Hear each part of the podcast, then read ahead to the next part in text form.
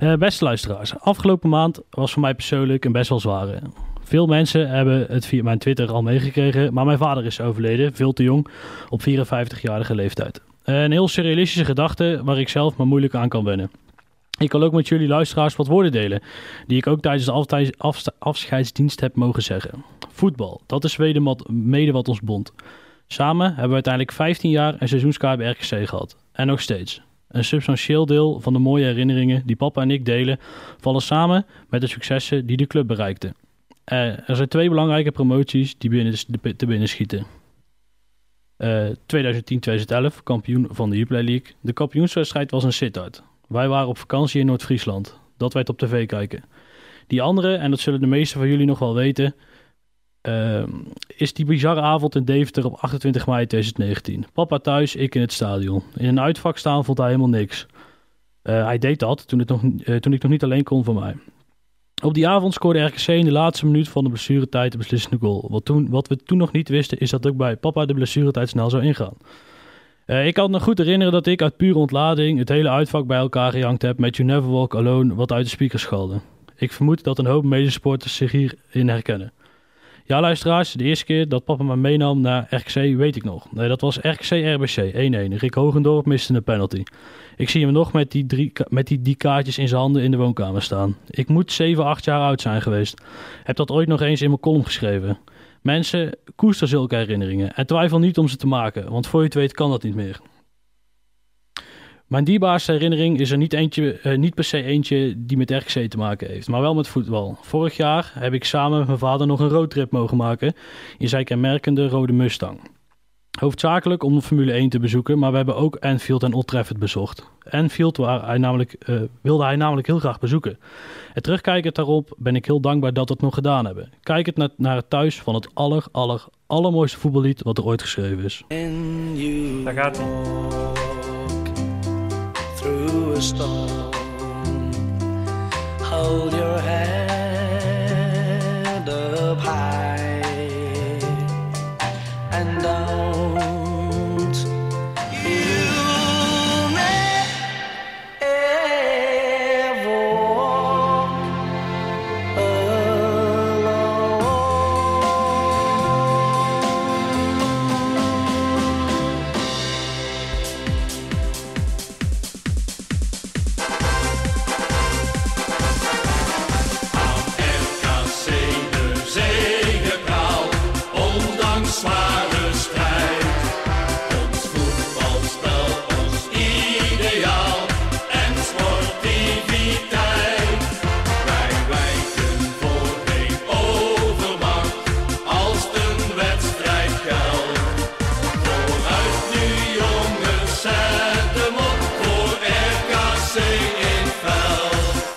Als de podcast online komt, dus vandaag als je op vrijdag luistert, is het maar liefst 500 dagen geleden dat we die miraculeuze avond in Deventer beleefden. En wat is het een avontuur geweest, hè? Afgelopen maand was er weer één op zichzelf. Er werd drie keer verloren, maar toch met de nodige versterkingen moet het helemaal goed komen, toch? Dit allemaal en ook nog iets met corona in de gloednieuwe aflevering van RKC Nu, de podcast. samen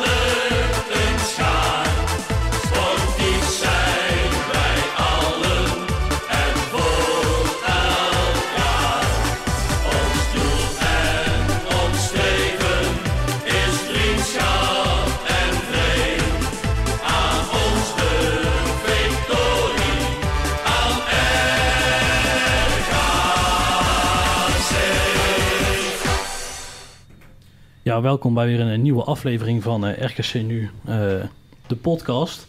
Eh, ja, het, dat is het mooie van radio, er kan heel veel misgaan. En het mooie van podcast is dat als je dit op vrijdag terugluistert, dan heb je helemaal geen idee waar ik het over heb. Want dan hebben we het allemaal heel mooi achter elkaar geknipt. hey mannen, hoe is het met jullie? Ja, goed. Ja, gaat prima. Hebben jullie de afgelopen maand een heel klein beetje beleefd? Eh, ja, weer raar hè? Het begon, eh, het begon zo mooi. En eh, tenminste, de uitslagen niet, maar daar komen we later op. Maar het, het begon allemaal eh, echt heel mooi. En eh, ja, het eindigde toch wel weer een beetje in mineur. eh, qua corona en qua voetbal eigenlijk. Ja, wat dat betreft, eh één maandje is kort, maar er is een, een, een hoop gebeurd. Ja, ik kan ook uit ervaring spreken dat er een hoop kan gebeuren in, in, in één maand. Ehm, eh, ja, wat we vandaag gaan bespreken, inderdaad, corona. Dat, eh, ik voel me een beetje Diederik Ebbingen, Ebbingen die zegt bij, hoe heet het programma ook alweer, bij eh, Promenade ook altijd corona. Deze week kunnen we er ook niet omheen. Eh, dus dat komt voorbij. We gaan eventjes terugkijken op de, eh, de resultaten. En eh, een of andere algemeen directeur, die belt ook eh, nog eventjes in. Ehm, ik wil nog eventjes delen met jullie, want ik heb vandaag namelijk iets leuks binnengekregen. En ehm, ehm, ja, ik ga het er even bij pakken, live op de radio. We zijn Oh, benieuwd. dit, is, eh, dit is voor ons ook een verrassing, hè Bram? Ik ben zeer benieuwd. Ik eh, ben ook eh, zeer benieuwd. Ik, ik, ik, ik, het- van de week had ik het er met Robert over op, eh, eh, via Twitter. Van dat ik zo weinig wist zeg maar, van de eh, geschiedenis van RKC van voor 15 jaar geleden. Want hè, ik heb nou 15 jaar seizoenskaart. Toen zei hij van, joh, weet je wat je moet doen? Je moet eens kijken eh, bij, eh, daar is die, een geslepen diamant. Dat is een jubileumboek. Dat is uitgebracht in eh, 2000. Dat is uitgebracht door, of geschreven door, dan moet ik eventjes de credits geven door Dion Leemans en eh, Ad Soeters. Ehm, ik heb een klein beetje eh, onderzoek gedaan, maar Ad Soeters is het helaas niet meer, niet meer onder ons. En Dion Leemans kon ik gauw niet vinden, dus... eh, vader is- van. ja, misschien familie van. Ehm, eh, nee, ik, ik ga er vooral een keer erheen. Eh, ik weet niet of je het leuk vindt om er eens Zeker, te, te, ja. te neuzen.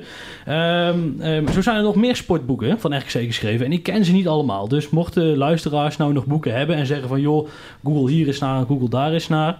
dan, eh, dan kunnen we daar... eh, Wat zal de laatste geweest zijn? Alle ballen op Allemaal snel? op snow, ja, Ja. dat is de laatste. Ja. Ja, dat was ook een mooi boekje. ja. Ja, je hebt ook nog een keer aan ons de Victorie gehad volgens mij. En uiteindelijk heeft Joep Trommel heeft ook nog een, een boek geschreven volgens mij. Wat ook weer het betaald voetbal in Waalwijk samenvat. In ieder geval zo, eh, zo eh, staan we er. eh, zo, zo, zo gaat het hard. Maar dus nogmaals, luisteraars, mocht je ze hebben. Dan, en zeker mochten de auteurs er iets over willen vertellen. Dan doen we dat. Geven we hier graag de plaats voor. Want het is mooi om, om de geschiedenis van onze club een beetje ja, op papier te hebben. Zodat je er altijd nog, nog wat mee kan. Maar ja man, hè, ehm, corona. Eh, op eh, maandag was nog heel veel gezeur met de tickets. En eh, op zaterdag eh, was de wedstrijd, zaterdagochtend was de wedstrijd afgelast. Ja, nou ja, allereerst denk ik complimenten met hoe de club ermee om is gegaan. Ik denk dat de tijd eh, de waarheid heeft ingehaald. Eh, dat we nu allemaal wel kunnen zien eh, dat het een goede beslissing was om het niet door te laten gaan. Natuurlijk die eh, twee besmettingen die er nog bij zijn gekomen na zaterdag in Ja. eerste instantie. Nou ja, die hadden anders in de kleedkamer gezeten en of op het veld eh, gestaan. En eh, nou ja, vandaag eh, alweer de, de derde wedstrijd, hè? Naar eh, Almere geloof ik, die uh, afgelopen Ja, die afgelopen vrijdag geloof ik, of afgelopen weekend. ja. En vandaag dan eh, de Graafschap NAC. Ja, van de wedstrijd van morgenavond Ja. die niet, niet doorgaat vanwege coronagevallen bij, bij NAC, had ik begrepen. Ja. Ja, dus eh, ja. Ja. en dat is alleen nog maar in het betaald voetbal. Want in de amateurwereld eh, gebeurt het net zo hard. Eh, je- af en toe hoor je het, maar bij ons, het- bij Neo, het eerste is de aankomende zaterdag ook alweer afgelast. Want de tegenstander heeft een paar eh, besmettingen. Ik, eh, ik ben toch wel heel erg benieuwd hoe, eh, hoe de KVB denkt dit vol te kunnen houden. in de manier Nou. zoals het nu gaat. ja, maar Ja. denk je dat, ze, dat de competitie uitgespeeld kan gaan worden dit Ja. jaar? Want als het op deze manier doorgaat, dan wordt het een lastig verhaal, denk ik. Nou ja, goed, als je de tendens kijkt in, eh, in het hele land. eh, vandaag alweer bijna 6000 besmettingen. eh, 20% meer dan, eh, dan gisteren, terwijl dat ook al heel hoog was. Ja, dan, eh, en, en, en ervan uitgaande hè, dat de herfst eigenlijk pas, eh, pas net begint. Eh, we gaan straks allemaal nog meer naar binnen toe. Ja, dan, dan hou je soms wel eens je hart vast eh, waar dit heen eh, gaat. Maar goed, eh, laten we hopen dat het eh, toch door kan gaan. Hè. Met een selectie die we nu hebben ben ik ook wel benieuwd wat we kunnen. Ja, ja en eh, als het toch gestaakt wordt, dan zijn er in ieder geval duidelijke regels dit jaar. Dat is Ja. dan toch ook wel weer een eh, voordeel. Ja, maar ik kan me bijna niet voorstellen. Ik kan me bijna niet voorstellen dat het niet uitgevoerd wordt. Want eh, op een gegeven moment kom je op het punt dat je zegt van de. Tenminste, je zou zeggen, we hebben nou toch een halfjaartje ervaring met corona. Dat je als KVB zegt van joh, we gaan nou echt een bubbel creëren. En we, zetten, we sluiten ons echt af. Ja, maar dat dat- kan bijna niet. Want Nee. dan zou je al die, dan haal je iedereen uit zijn, uit zijn eh, persoonlijke Nou, levenssfeer. Het gaat niet als je, het, je kunt dat niet voor een lange tijd doen. Maar kijk, de NBA en de. ja, maar, dan- moet je het eh, als de MLS gaan, gaan doen ja. in toernooivorm. Die zijn gewoon, eh, die hebben zichzelf drie weken opgesloten in Disney World. Ja, dus die je- hadden allemaal een eigen hotel, al die clubs. Kun je ja. de kaatsheuvel nog ergens plekken hebben. Ja. Maar, langs Walibi ligt trouwens wel heel veel gras. Dus misschien ze daar eens kunnen rekenen. Nee, ja, maar dat is eigenlijk, zou je zeggen, de enige optie. Want als je ziet, onze wedstrijd van zaterdag is dan uitgegooid. Ja, zoals het er nu naar uitziet, wordt die gewoon ingehaald op dezelfde dag als eh, Utrecht AZ wordt ingehaald. Dat is al 27 december. Nou ja, je kan je voorstellen als er nog drie speelrondes uit gaan klappen. Nou, dan zit je onderhand aan het einde van de competitie. Ja, het is inderdaad meer. Het, het, het zijn nu een paar clubs nog. Maar ja, de vraag is als er straks eh, halve speelrondes eh, misschien wel uit moeten gaan. Kijk, wat, wat, wat gewoon lastig is, je kunt moeilijk de spelers gaan opsluiten natuurlijk een half jaar. En de spelers hebben over het algemeen ook een partner die eh, vaak ook nog werkt en daar ook weer te maken heeft met wel of niet naar kantoor of, of de winkel of waar dan ook komen. Ja, dus die kunnen het ook meenemen. Die gaan natuurlijk ook niet eh, een half jaar gescheiden van elkaar slapen. Dus ja, dat, eh, het, het wordt gewoon heel lastig met deze aantallen ja, om dit vol te houden, denk ik. En ja, in hoeverre dat Ja, wel ja. of niet uitvoerbaar Kijk, is. en het gaat natuurlijk gewoon hard, weet je. Want eh, nou, bij RKC ook, die hadden gewoon een heel goed protocol. En die wa- waren zelfs nog strenger dan veel andere clubs. Ehm, maar ja, er hoeft er maar één eh, op het trainingsveld te gaan staan. En eh, je hoeft maar een partijtje te spelen. En ja, ja, je ziet wat er kan gebeuren dan. Ja. Ja, ik, ja, ja oké, maar ik vraag me af in hoeverre... eh, kijk, eh, het lastige is, waar, waar, waar vindt zo'n besmetting plaats? Hè? Kijk, en uiteindelijk was RKC net iets te laat met het terugbrengen van de maatregelen van we gaan niet meer in één kleedkamer zitten. Eh, ik, ik, ze verdelen met twee of drie kleedkamers, Ja. verdelen ze het volgens mij onder. Hè? De normale eh, thuiskleedkamer, de normale uitkleedkamer en die onder EE. En als je dan ziet dat ook tien man ongeveer in quarantaine moet na één besmetting... Ehm, ja, dan zie je al, dan, dan moet, is dat gewoon één cluster, eh, één cluster geweest. Het is, uiteindelijk zijn, is het beperkt tot twee stafleden en vier spelers, als ik het goed begrijp. Ja, daarna nee, er meer, want we zitten nu op negen, geloof ik. Ja. Oh, zes Ja, ja oké. Nou goed, in ieder geval, ehm, eh, ik heb vandaag eh, op weg van Eindhoven naar Waalwijk toch nog heel eventjes bij het stadion staan koekeloeren. Die beelden staan ook op, eh, op Twitter. Ehm, ja, ik weet niet hoe chic het is om te zeggen wie je denkt dat afwezig is. Ehm, Nou, ik denk niet dat we daarover moeten speculeren als we dat niet weten. Maar nou ja, Ik weet in ieder geval wel dat Touba eh, Ja, n- bij de niet besmet is. Want Ja. die, zit, die zit bij de Duivels. ja, Ik vond het wel leuk. Ik denk dat er bij RKC wel over nagedacht is. Want vanaf vrijdagavond waren alle Insta-stories al helemaal leeg. Ja. Dus eh, van jongens, eh, verwijder even alles en hou stil. Want morgenochtend dan eh, gaat het knuppeltoen er ook in. nou, Ruben is scherp, hè? Ja, ja da- daarop wel. Oh, we zijn niet anders van hem gewend, toch? Precies. Ik moest wel lachen. In dit boek stond, stond namelijk een zin. Eh, ik heb hem vandaag gekregen, dus ik heb hem even opengeslagen. Dat klinkt, dat is ook altijd zo typisch RKC. Eh, alle rechten voorbehouden. eh, niets uit deze uitgave mag worden verveel, veelvoudigd. Bla bla bla, hoe dan ook. Eh, zonder voorafgaand schriftelijke toestemming van RKC. Dan denk ik van ja, dat, dat, eh, dat eh, vind ik af en toe wel een beetje typisch. Daar kan, wel- kan ik wel om lachen. Het is wel nog mooi dat oude logo. Dat ronde logo met die eh RKC Waalwijk eh lettertype ernaast. Dat is Ja. wel echt eh, oude tijden herleven. Ja, dat is wel de goede tijd ook geweest. Hè? Dat we dat logo heel veel op tv zagen. Omdat we weer verrasten met mooie resultaten. Maar het is een mooi boek. Maar die, heb je die geleend? Of? Nee, ik heb hem echt besteld. Want ik ga mooi. ik, ik ga, ik, mijn doel is eigenlijk om aan het eind van dit seizoen. eh, alle geschiedenisboeken bij elkaar eh, te, te hebben. Dat ik eigenlijk de hele legacy bij, me- bij elkaar heb. En dat we dan eens kunnen be- beoordelen wat er nog mist. Ja. En dan kijken of we ineens ergens 300 uur vrije tijd eh, vandaan kunnen toveren. Misschien dat je zelf iets mee kan. Nee, dit ideetje wat speelt, dat... dat ik vind zelf dat er bijzonder weinig informatie te vinden is over de geschiedenis gewoon op het internet. Gewoon open source, Wikipedia achter. Ehm, maar goed, eh daar... Daar zitten wij voor, wou je zeggen. Nee, nee, ja, natuurlijk, wij, wij zijn daar niet, eh, daar zitten wij niet per se voor. Maar ik, ja goed, het, het, het zou mooi zijn als er een plek komt waar je straks alles gewoon ja, kan, kan vinden. En zo'n boek is mooi hoor, maar ik zou zoiets digitaal moeten hebben. Dat je gewoon terug gaat naar, ja, wat is het? En een hoekje ergens in het stadion of zo waar je een soort RKC-bibliotheek hebt. Ja, maar nou, daar wil ik nog niet denigrerend over de club eh, klinken. Maar ehm, eh, je, je moet zoiets, eh, vind ik, zo open source mogelijk houden. En zo centraal mogelijk dat iedereen er altijd bij kan. Op het moment dat je het bij de club geeft, dan is dat misschien met Frank en Mo zeg maar, aan het bewind allemaal geregeld. Maar als straks Frank, weet ik veel, over een jaar of tien weggaat, ik noem maar iets. Eh, volgens Mo, Mo is dan alweer terug waarschijnlijk. En eh, eh, dan moet je maar hopen dat dat net zo voorzichtig mee gedaan wordt. En dat, het zou wel mooi zijn, ja, wat ik zeg, als je dat zo open source en zo centraal mogelijk kan houden. Maar het is toch wel dat je gewoon naar ja, 1970 en 1971 het seizoen gaat en dat daar staat dat de heer Klaassen afscheid nam van RGC. En nu heeft hij bij Ajax getekend. ja, Scherp. Nee, maar natuurlijk, het, het is, ik ben het met je eens. toen wonnen we nog van Desk met 1-0. Speel nog tegen Desk. Zo, eh, zoveel, eh, zoveel geschiedenisdingen hebben we natuurlijk niet. Dus eh, hetgeen wat we dan hebben, dat eh, moet je eigenlijk koesteren. Ben ik helemaal met je eens. En, eh, dus als, als er luisteraars zijn die iets hebben, die dat dubbel hebben of, of eh, kwijt willen of iets, nou eens helpen Lucas eh, de winter door zou ik zeggen. En eh, meld je op onze Twitter.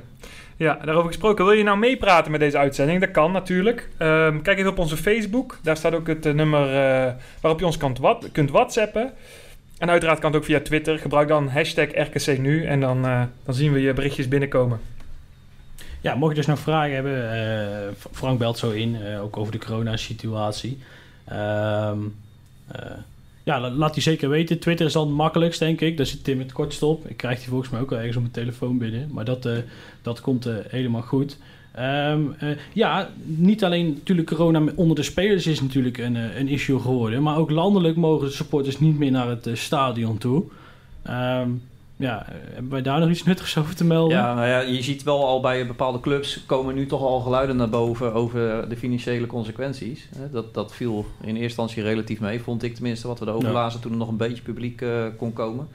Nou ja, gisteren zijn er wat berichten over FC Twente naar buiten gekomen. Die een, eh, nou, een tekort gaan krijgen van, als het zo doorgaat, van 8 tot 8,5 miljoen euro in één seizoen.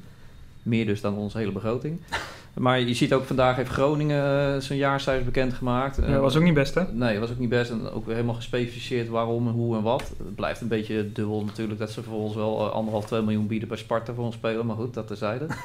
maar ja, ik ben wel zeer benieuwd hoe je... Kijk, ik kan me trouwens ook voorstellen. We hebben, in het begin van het seizoen had je de KNVB. Die, eh, die riep dat het Nederlands betaald voetbal een slecht imago heeft in Den Haag. En slecht opstaat. Ik moet zeggen, als je de afgelopen periode bekijkt... en je ziet nu dat best veel clubs, of best veel, maar in ieder geval de nodige clubs financiële problemen hebben... Eh, hoe er dan ook weer zo'n Groningen bijvoorbeeld toch anderhalf, 2 miljoen gaat bieden, terwijl ze aan de andere kant financieel allesbehalve heel zeker zijn.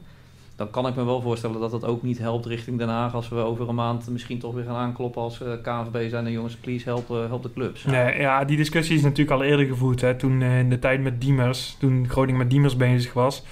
Ik geloof dat ze een week voordat, eh, voordat ze zo goed als rond waren met Diemers eh 11 personeelsleden ontsloegen. Ja, precies. Ja, toen was de discussie, ja, die kun je ook blijven voeren natuurlijk. Van ja, maar ons eh, aan de koffiejuffrouw en de drie administratieve medewerkers, eh, daar verdienen wij geen geld mee, want ons kapitaal moet op het veld staan. Dat ben ik wel eens. Alleen, ehm, kijk, bij RKC heb je een beetje hetzelfde. eh, in de zin van, daar gaan ze ook verstandig met de centjes om.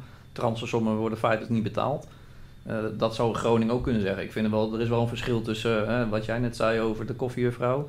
Of aan de andere kant gewoon anderhalf, 2 miljoen bieden voor een eh, speler van Sparta. Daar zit ook een heel veel ruimte tussen. Dat je kan zeggen, eh, ja, we doen geen transfersommen of hooguit een paar ton. Ja, maar weet je, het lastige daar wel is, is eigenlijk dat we dan zeggen, de, iedereen mag investeren, want hè, de economie gaat, gaat slecht. En eh, dat is ook wat het kabinet nou gaat doen. Hè. We willen, komt een, er komt een investeringskorting, in ieder geval dat bedrijvenbelasting technisch, dat het interessant wordt om te investeren. En dan mag eigenlijk elke bedrijfstak doen, behalve de voetbaltak. Dat is, dat is wel de an- anderzijds wel krom. Ik vind het veel zorgelijker als je kijkt naar het feit dat je eh, gewoon geen afspraken gemaakt hebt van, joh, zullen we allemaal even net even iets normaal doen met dat salaris. Want eh, eh, Ajax gaat door waar ze mee bezig zijn. Maar goed, die zijn eigenlijk de enige club in Nederland die echt recht van spreken hebben. Want die hebben een eigen vermogen, daar word je bang van. Ja. PSV wil aanhaken. Nou, die hebben... Marco Timmer van VI had het er vandaag nog over. Die hebben gigantische salarissen betaald om, ehm, ja, om, om Ajax maar bij te kunnen houden. Dus die hebben, gaan ook gigantische risico's aan. Als die geen Champions League halen komend jaar, hebben die, gaan die op eh, relatief korte termijn echte problemen halen. Eh, nou ja, goed, kijk, Feyenoord is eigenlijk de enige club die dan zegt... "Wa- het geld is op, eh, sorry Dick. En, en, uiteindelijk gaan de, de Twente, die komt dan met zo'n verlies. En eigenlijk had je met z'n allen moeten zeggen van... joh, moeten we gewoon niet een stukje minder doen. Eh, nou snap ik natuurlijk ook wel dat als je dat doet... dan gaat iedereen naar Duitsland en naar België... en dan hou je geen competitie meer over. En dat is een beetje de, de, de spagaat waar de voetbalwereld in komt te zitten. En die snap ik dat die heel lastig is. Nou ja, eens. Alleen, ja, nogmaals, eh, tussen een- geen transfersom betalen of anderhalf, twee miljoen zit natuurlijk ook wel een, eh, een groot verschil. Aan de andere kant, ja, je hebt gelijk. Als je nu de juiste speler weet te halen en je weet dat op te zetten in, commissie- of in eh, sportief succes, dan wordt het ook weer een stukje commercieel succes. Zo is het ook wel weer. Ja, en, en daarbij gaat eh, Sparta daarvan zijn jeugdopleiding misschien kunnen betalen. Of weet ik veel, ook weer rekeningen dichten. En dan, eh, het is ook weer geld tot economie invloeit. Dus ik, wat ik zeg, hè, dat, is, dat, is een beetje de spagaat eh, waar je in eh, terechtkomt. Maar een van de, wat best wel veel gehoorde kritiek eens ook is van... jongens, in het voetbalstadion hebben we geen besmettingen. Ja. Ja, weet je, ik- ja, dat klopt. Maar ik vind dat eh, lastig, want ik denk ook niet zozeer dat het in de voetbalstadion heel snel fout gaat. Zeker niet eh, in Waalwijk met die wedstrijden die Ja. we al gezien hebben. Maar aan de andere kant, ja, Ja, je, je- het ding is gewoon, je kan het in de lijn met de andere maatregelen niet verkopen om een Nee. voetbalstadion te vullen. want je moet er ook naartoe. Ja, Die staat er toch vaak ook ergens Nee, ja, maar, maar eh, buiten dat natuurlijk. Kijk, wij zijn een kleine, kleine club. Maar die maatregelen zijn landelijk. En je kan dus... Kijk, je kan er als voetbalsupporter van vinden wat je wil. En eh, inderdaad, er zijn geen bewezen eh, cases die in het, in het eh, voetbalstadion zijn opgelopen. Maar bijvoorbeeld als minister of als kabinet kan je natuurlijk niet verkopen om te zeggen... oké, je mag maximaal met 40 man eh, in de openbare lucht samenkomen... En vervolgens met eh 10.000 man in de arena gaan zitten. Nee, dan gaan we verder, jongens. Dan gaan we gewoon even terugkijken op de afgelopen maand. Eh, we begonnen thuis tegen Vitesse. Ja, Vitesse Arnhem 1. Ja. nee, Ja. ja. ja, wat vonden we ervan, eh, jongens? Wat hadden we van tevoren ervan verwacht? Ehm, niks. Ik heb persoonlijk. Eh, maar dat was ook meer... ehm, ja, doordat je wist dat de, de, de laatste nieuwelingen nog niet mee gingen doen. Ehm, ja, daarnaast had ik wel... En eh, volgens mij hebben we daar vorige podcast ook besproken... Hebben we gehoopt op een puntje die wedstrijd. Ja, achteraf gezien zat er dat denk ik ook... eh, had je hem niet hoeven verliezen. Nou, laatste kwartier, half uur inderdaad. Ja, ja. de eerste helft was Vitesse wel echt beter. Ik vond daarna ook erg goed trouwens, die wedstrijd. Maar ja, het laatste kwartier, half uur kun je natuurlijk zo eh, een moment hebben dat hij aan onze kant erin vliegt. Ja. Die, eh, een paar kleine momentjes zijn er wel geweest. Ja, hetzelfde geld pak je een puntje in zo'n wedstrijd. Dat had gekund, ja. ja. Ja, het was vooral... ehm, ik heb natuurlijk op Twitter wel een hoop gelezen. Alleen ik kon de tweede helft kon ik niet live kijken. In verband met een, eh, met Formule 1. Dat, liep allemaal een heel klein beetje door elkaar heen. Dus ik heb s'avonds de tweede helft nog eens een heel terug te kijken. En die was eigenlijk niet zo heel slecht als iedereen... eh, als deed vermoeden, zeg maar. Dus eh, eh, ja, uiteindelijk is het dan een soort van onmachtig. Maar ja, dat was eigenlijk een beetje hetzelfde verhaal als vorig jaar. Want uiteindelijk heb je heel de tweede helft een beetje de bal gehad. Vitesse heeft, ja goed, die vond het allemaal wel welletjes zo. ja. En twee hele kansen gecreëerd. Eigenlijk niet eens twee hele, anderhalve kans. En, en dat, ja, dan kom je wel achter dat je wat tekort komt, eh, zeg maar. Ja, we hadden eigenlijk een beetje het gevoel eh, van vorig jaar. Hè? Dat zei we ook gelijk na de ja het, wedstrijd. was, van, het was een RKC... eh wat is het? 1920... eh, ja, een leuk gevoel. wedstrijd was het, ja. Maar, maar als we heel eerlijk zijn, dat viel echt in die wedstrijd mij heel erg op. Hè? Dat hebben we ook in het verslag. Dat het echt tot, tot 20, 25 meter voor eh, de goal van Vitesse was het eh, prima. Tweede helft vooral. En dan eh, toen... maar je voelde dat ja. gewoon geen kans, geen echt... Ja, de- ik zei het volgens mij ook tegen jou, maar je kon nog drie uur voetballen. Ja. Je ging hem niet scoren. Nee, klopt. Zo'n wedstrijd was het echt. ja. Maar het is, het, het is wel jammer, hè? Want ik, als je dat dan achteraf ziet, dan denk je... Je ziet wat voor spelers we toen hadden die niet meededen om verschillende redenen. ja. We zijn daarna natuurlijk nog iets sterker geworden. Ja, dan heb je af en toe wel eens... Oh, stel nou dat we met onze echt eerste basis zouden kunnen spelen tegen Vitesse zoals ze gespeeld hebben in die wedstrijd. Ja, wat dan als? Ja, ja. telt niet. Ja, dat is lastig. Ja, ja. Maar ja, ook nu eh, wat we zeiden, je, je had er een puntje kunnen pakken. Meer ook niet. Zo moet, nee, je nee, ook nee. zijn. nee, dat klopt. En het puntje was misschien over de hele wedstrijd gezien ook nog wel iets te veel geweest. Ja, Maar daar, kom, daar komt hij. Maar aan het einde van het seizoen kan het net op een punt Nou ja. aankomen. Ja, Nee, ja, tuurlijk. Maar, maar eh, zoals ik ook al een paar keer eerder heb gezegd, ehm, het is lekker makkelijk. Maar de wedstrijden die we nu gespeeld zijn, we zullen de volgende dadelijk ook nog wel behandelen, zijn natuurlijk niet de punten, eh, of de wedstrijden waarin je punten moet pakken. Kijk, vorig jaar wonnen we twee keer bij Utrecht. We zullen er zo op uitkomen. Eh, maar ga je er wel, nou, normaal gesproken echt overduidelijk uit. Omdat je de wedstrijden tegen PEC en ADO en VVV gewoon eh, verliest. Ja. Dus ja, dan is het leuk dat je uit in Utrecht wint, maar daar heb je vrij weinig aan. Ik heb liever dat je thuis van eh, VVV, Emmen, Fortuna en ADO wint, want dan eh, doe je betere zaken. ja, klopt. Het is wel zo nu, als je gaat kijken naar de drie wedstrijden die geweest zijn, dat we voorlopig toch drie punten achterlopen op vorig jaar in diezelfde wedstrijden. Dus in die zin hebben we nog ja, wat, ook, wat, eh, ja dat klopt. Met die discussie heb ik ook gezien, maar toen had je VVV, eh, nog een club en Twente. Ja. Ja, VVV, ik, die tweede club bij AZ en Twente, is toch iets anders dan Vitesse, Ajax en Utrecht natuurlijk. Ja, ik ben het met je eens dat dit zijn geen wedstrijden waar we het hadden hoeven eh, te halen, zeg maar. Maar ja, toch hoop je ergens wel eventjes op een eh, klein verrassingje. Ja. Ja, nee, Eh, natuurlijk, daar ben ik met je eens. Kijk, maar- Vitesse, ja, Utrecht komen nog op. Maar ja, Vitesse hebben we het over gehad. Had een punt gekund. Utrecht eh, tot ook niet heel lang voor, de, voor het einde van de wedstrijd... dat je toch een tijdje op een punt stond. Ja, hetzelfde geld eh, had je dus met twee puntjes gestaan. Was toch lekker geweest. Ja, dan gaan we gewoon, ja, de- dat gaan we gewoon doen Ajax. Ajax, ja, dat was ik. De, ja, jij was er live aan bij aanwezig. Ja, hè? ja, Hoe was dat, Tim? Ja, leuk. Toen nog met publiek, toch? Met publiek, ja. Ja. En ehm, ja, natuurlijk leuk om een keer eh, op de perstribune in de arena te zitten. Ehm, ja, de wedstrijd. Ja, ik reed Ja, erheen. ik vraag me altijd af of je je niet gewoon beter af kan melden. Ja, kijk, ik reed erheen en volgens mij zei ik nog tegen jullie... eh, alles minder dan 4-0, eh, dan hebben we het geweldig gedaan.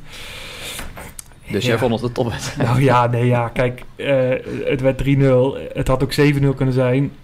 Dus ja, weet je, Ajax uit elk jaar, wat, wat jij zegt, Lucas, kan je niet beter afmelden. Want ja, Nou, ja. ik, ik vraag me oprecht af wa- wa- wat spelers dan denken op zo'n moment. Of ze dan, e- Ja, of ze dan echt, ja, gaan ze dan echt de bus in en dan denken Ja. ze, we gaan vandaar een punt Ja. pakken.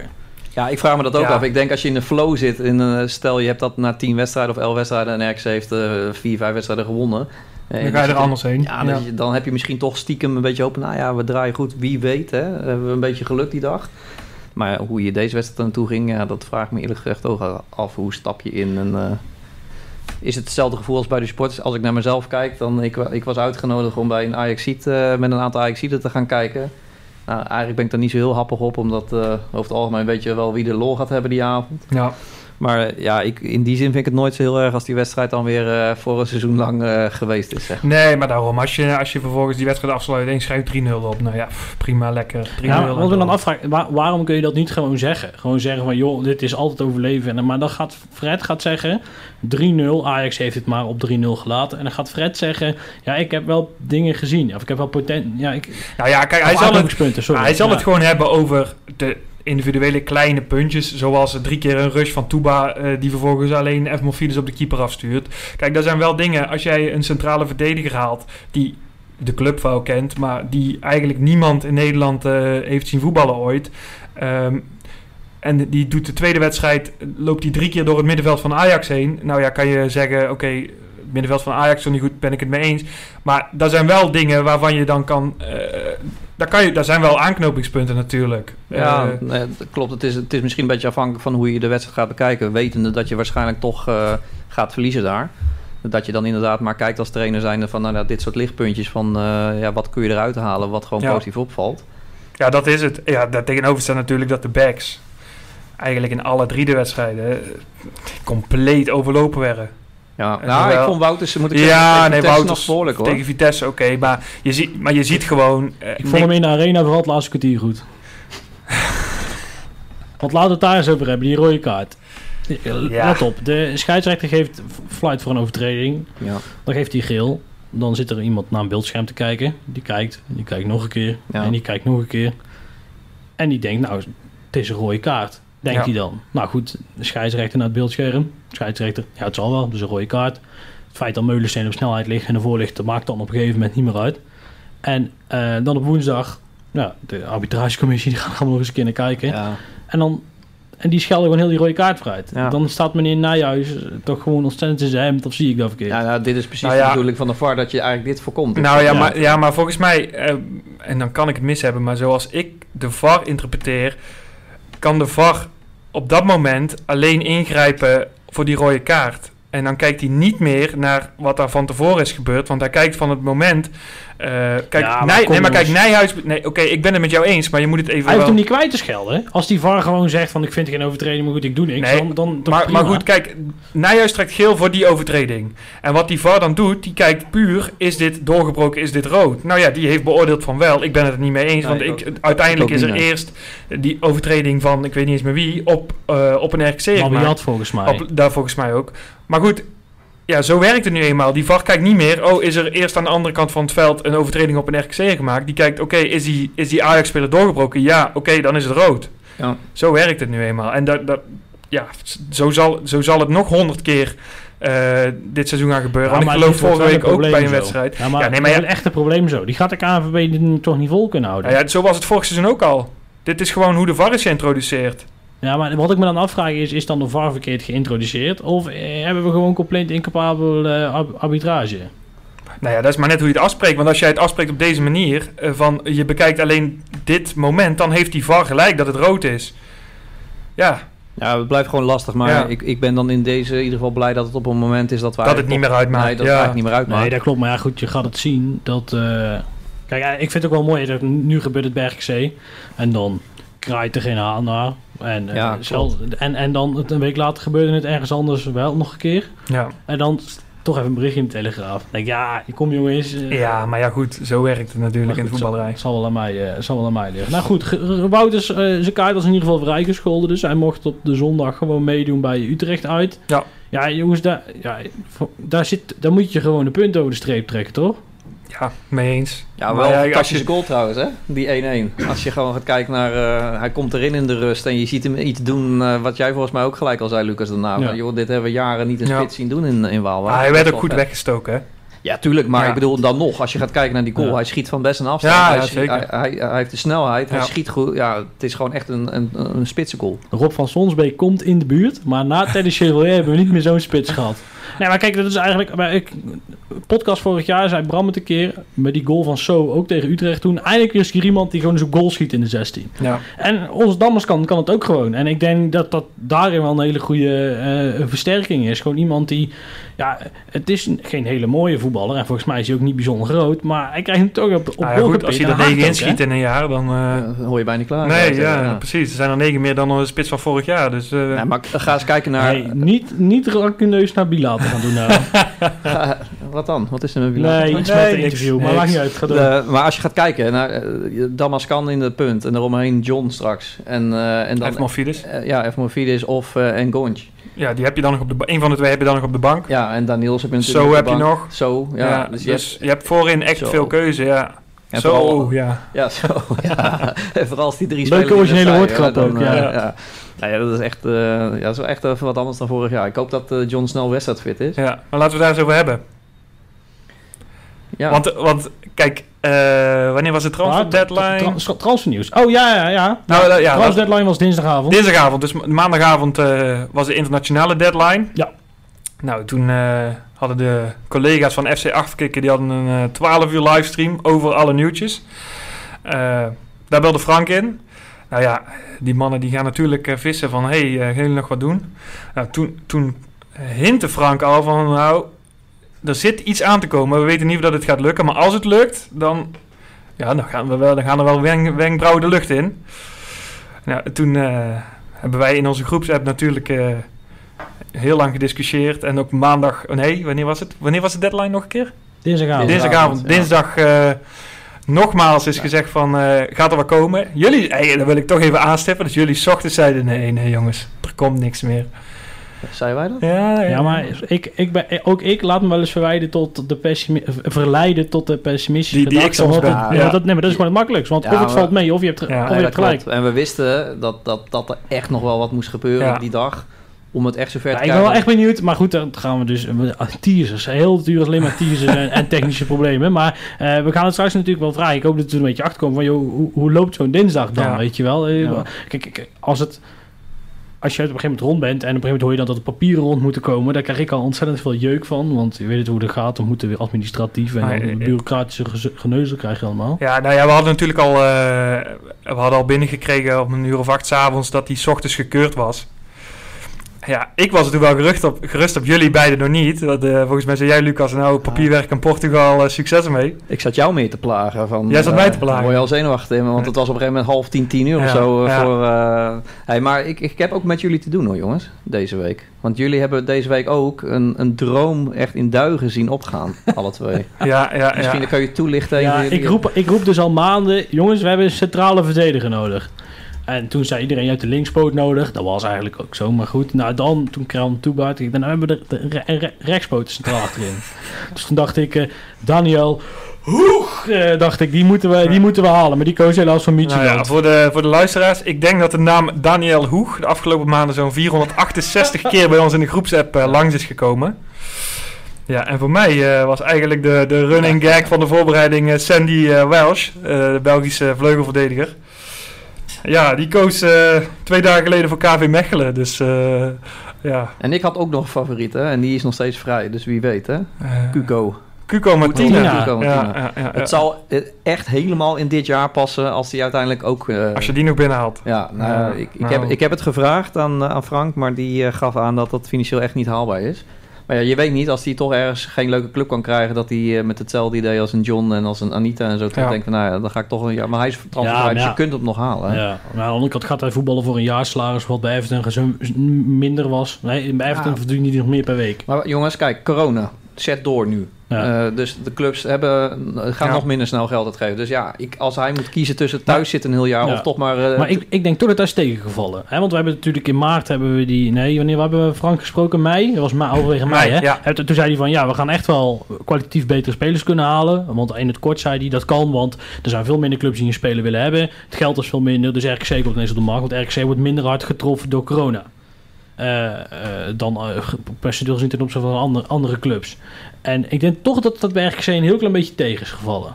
Ja, dan, pardon. Aan de andere kant, je hebt eh, John nu wel op die manier gehaald. Kijk, en het feit is een beetje, als clubs nu weinig ruimte meer hebben voor nieuwe spelers... en Cuco kan op een gegeven moment niet heel veel meer kiezen... dan bijvoorbeeld drie kwart jaar Ja. thuis zitten... of drie kwart jaar in de Eredivisie bij RKC ballen. Kijk, die tactiek die ze gedaan hebben met wat ze van in mei al zeiden, we gaan wachten op het laatste moment om, om buitenkantjes binnen te halen. Eh, dat is met Ola John gelukt, maar je, je ziet wel gewoon ook op de andere, eh, bij andere clubs dat het wel een succesvolle tactiek is. Kijk, AZ haalt Martens Indy binnen Ja. eh, om, om tien uur s'avonds. PSV haalt Mario Gutsen binnen. Ja, je kan erover zeggen wat je wil, maar die jongens die gaan niet drie weken eerder bij AZ en PSV tekenen. Zo makkelijk is het. Nou, het is En, ook logisch uit te leggen, ja, begrijp- begrijpelijk ook. Maar wat, wat jij zegt, eh, Lucas, is op zich terecht. Hè? We hadden eh, verwacht dat bij wijze van spreken de clubs allemaal eh, hooguit nog een ton salaris gingen betalen. Ja. Maar dan zie je toch dat de verleiding, als ze een goede speler kunnen krijgen... en dat moet dan maar 2, 2,5 ton salaris kosten... dat de verleiding Ja, toch is. om uiteindelijk is het zo, als je degradeert kost het veel meer geld. En, en als je daar geen collect- collectieve afspraken over maakt, dan gaat niemand zich daaraan houden. En eh, dan, eh, Europees, nou, Nou ja, en dan, dan Twente is het een goed verhaal natuurlijk. Hè? Eh, daar hadden we net al over. Die- die gaan 8 miljoen verlies pakken. ehm, maar die hebben geloof ik 468 huurspelers. Ja, En eh, dat, dat kost dan geen transfersom. Maar ja, het zijn eh, niet de mensen. Die komen niet voor niks natuurlijk. eh. nee, dat klopt. Dat is best een beetje dubbel. Maar ik denk wel dat je het ziet bij Groningen bijvoorbeeld. Die hebben wel een hele smalle selectie. Hè? Nou, heel snel. Als die, daar, als die er dadelijk drie geblesseerd hebben, dan die, ze een die probleem. hebben er echt met 12 of 13 die beter zijn dan RKC Ja, ja, je toch vaak bij Club als Groningen dat het toch wel 18 of 19 zijn. Ja, maar ja, dan zie je dus, misschien is dat dus de tactiek geweest... dat ze toch die 2,5, 3 ton wel voor een paar spelers hebben uitgetrokken uh, Valt jaarsalaris. ook al mee hoor. Maar dat het dan... Nou ja, eh, ja, bij Groningen is er ook op de laatste dag nog veel misgegaan. Hè? Die wilde Haroui van Sparta. ja. En nog een spits. Ja, allebei niet doorgegaan. Maar ja, kijk, en hetzelfde bij Emmen. Die wilde nog een eh, middenvelder uit mijn hoofd en een linksbuiten. ja. Eh, die werden trouwens een paar dagen eerder in verband gebracht met, eh, met Ola John. Ja, klopt. Ehm, Twente zelf ook, hè? ja, Twente ook. Maar ja, die zaten dus inderdaad, wat John vanmorgen ook in het Omroep Brabant, bij Omroep Brabant aangaf, zat, was Twente klaar. Die zaten vol, die hadden geen budget meer over. Ehm, Ja, maar ik- wacht eens even. Die hebben wel die Davicoglu nog van Brand. Ja, nee, oké, goed. Maar dan, daar zijn ze natuurlijk langer dan drie uur mee bezig. Dus die hebben gewoon de keuze dan gemaakt. Oké, Nee, dat snap ik. Maar dat is wel echt een dure jongen. Hè? Dat is een jongen die kan Sparta kon die niet meer betalen. nee, nee, begrijp ik. Maar als je dan, zij zullen dan bewust de keuze hebben gemaakt. We gaan voor Dervis Soglu in plaats van eh, Ola John of wie ja, dan. ja. Dat is dan de keuze, prima. Ehm, maar zo'n Ola John bijvoorbeeld, je, hebt- je weet het niet. Kijk, voor iedereen is het afwachten, voor ons ook. Want je weet niet of dat het eh, is wat het was. Maar ook daar geldt voor, als hij eh, de helft is van wat hij ooit geweest is, dan... eh, Als hij de motivatie kan vinden om gewoon alles Ja. te geven, dan wordt het een succes. Ja. Omdat hij heeft een prachtige leeftijd, Precies, 28. ja. Nou, hij kan ook nog iets van zijn carrière maken als hij een goed seizoen bij hij, hij heeft ook gewoon gespeeld in, in, in Portugal. Ja, Ehm, tot aan de coronacrisis ja, eigenlijk. ja, alleen, alleen.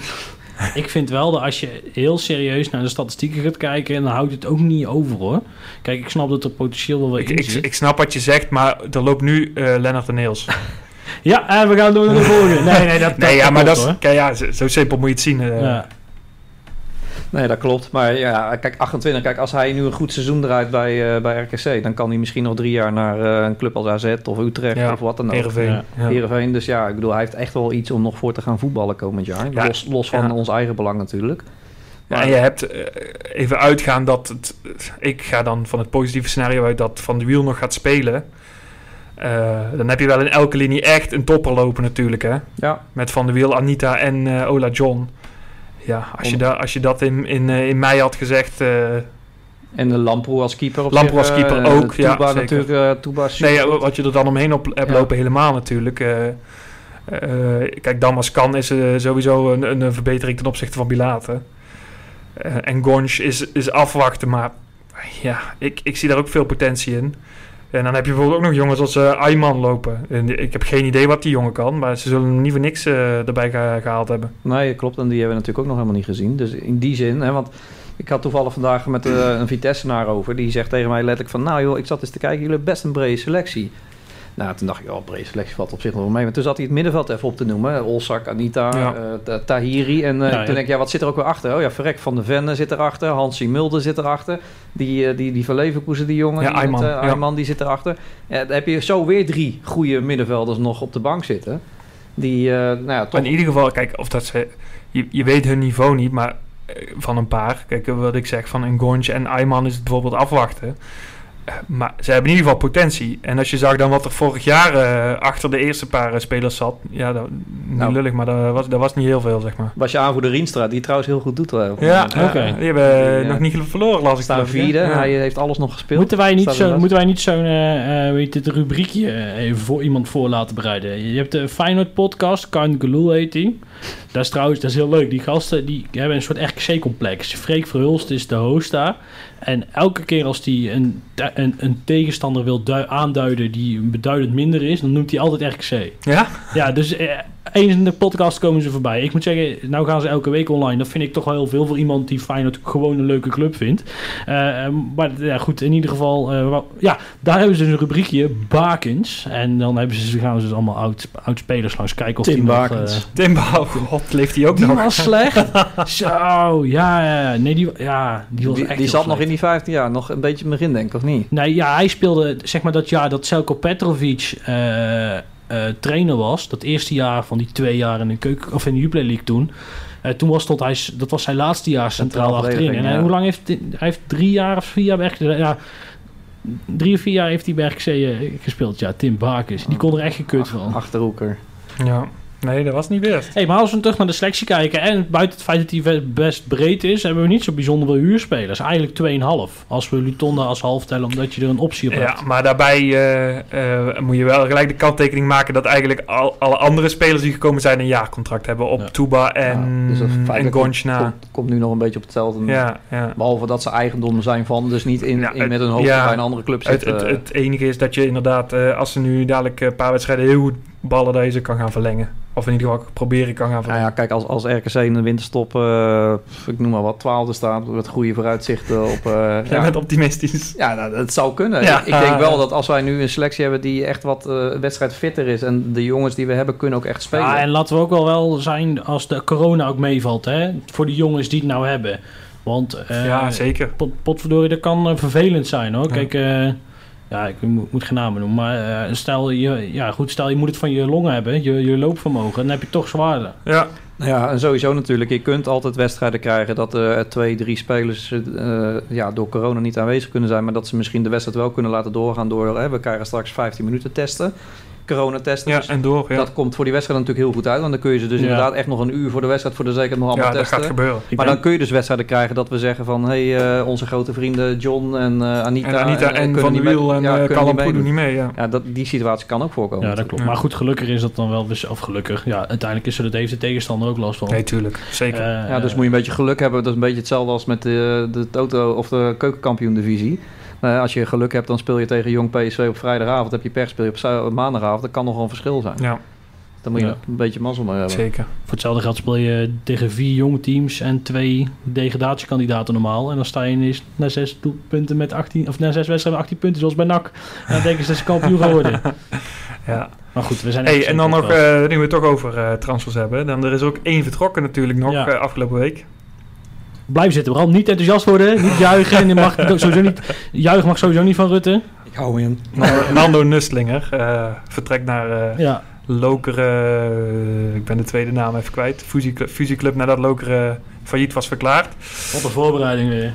Ja. Die, die gaan we niet meer terugzien, jongens, in, eh in. Tot wanneer heeft hij contract? Einde van het seizoen. Ja, Einde van het seizoen, ja. nou dan is, het, ja, dan is het klaar natuurlijk. Sowieso geen wedstrijd in het eerst gespeeld. In de officiële wedstrijd althans. Nee, en toch heeft hij in de voorbereiding een paar keer gescoord. Ja, nou ja, kijk, tuurlijk kan die jongen wel, wel op voetballen. Temse, sorry. Mij Temse, ja. Maar ja, die spelen dus op het vierde niveau Ja, in dat België. zei je, ja. Vierde Ja. niveau, Vierde niveau, Het dus vierde niveau, dat is... en het niveau is al niet hoog. Ja, klinkt heel flauw, Nee, maar ja, het, het is gewoon het, het eerste amateurniveau in België waar die gaat spelen. Het zal ongetwijfeld daar een hele ambi- ambitieuze club zijn die dan waarschijnlijk ja, wel kijk, een paar het is logisch. eh, Kijk, Loker is failliet verklaard. Ja. Eh, oh, zo, ja. ja, kijk, en die zijn gefuseerd, dus die gaan door. En ze spelen ook gewoon in het stadion van nou Lokeren voor 15.000 man. Dus die gaan wel weer Maar of je terugkomen. nou met Nando de oorlog gaat winnen winnen, denk ik niet. Nou ja, hoor. in Nou, de op vierde dat divisie niveau. van België wel. Ja. Ja, op dat niveau is het natuurlijk. Hij, ik, ik vond het, want hij, eh, Bram heeft hem veelvuldig, zowel voor als achter de schermen, een beetje een natte krant genoemd. eh, Qua voetballen, qua... qua, qua Ja, niet letterlijk die ik benaming, zie maar jou ik heel was, moeilijk ik was kijken, geen fan. nee. Nou, Oké, in ieder geval. Maar ik vond, eh, de- wat dan heel raar is, dat hij dit, bij- ik vond hem dan wel heel fel in de verdediging. Maar wat je dan ziet, is dat hij elke keer weer de verkeerde, verkeerde keuze maakte. Ja, nou ja, goed, eh, het komt gewoon iets tekort. Ja, een goede voetballer, maar ja, ik heb, ja, nou ja, goed.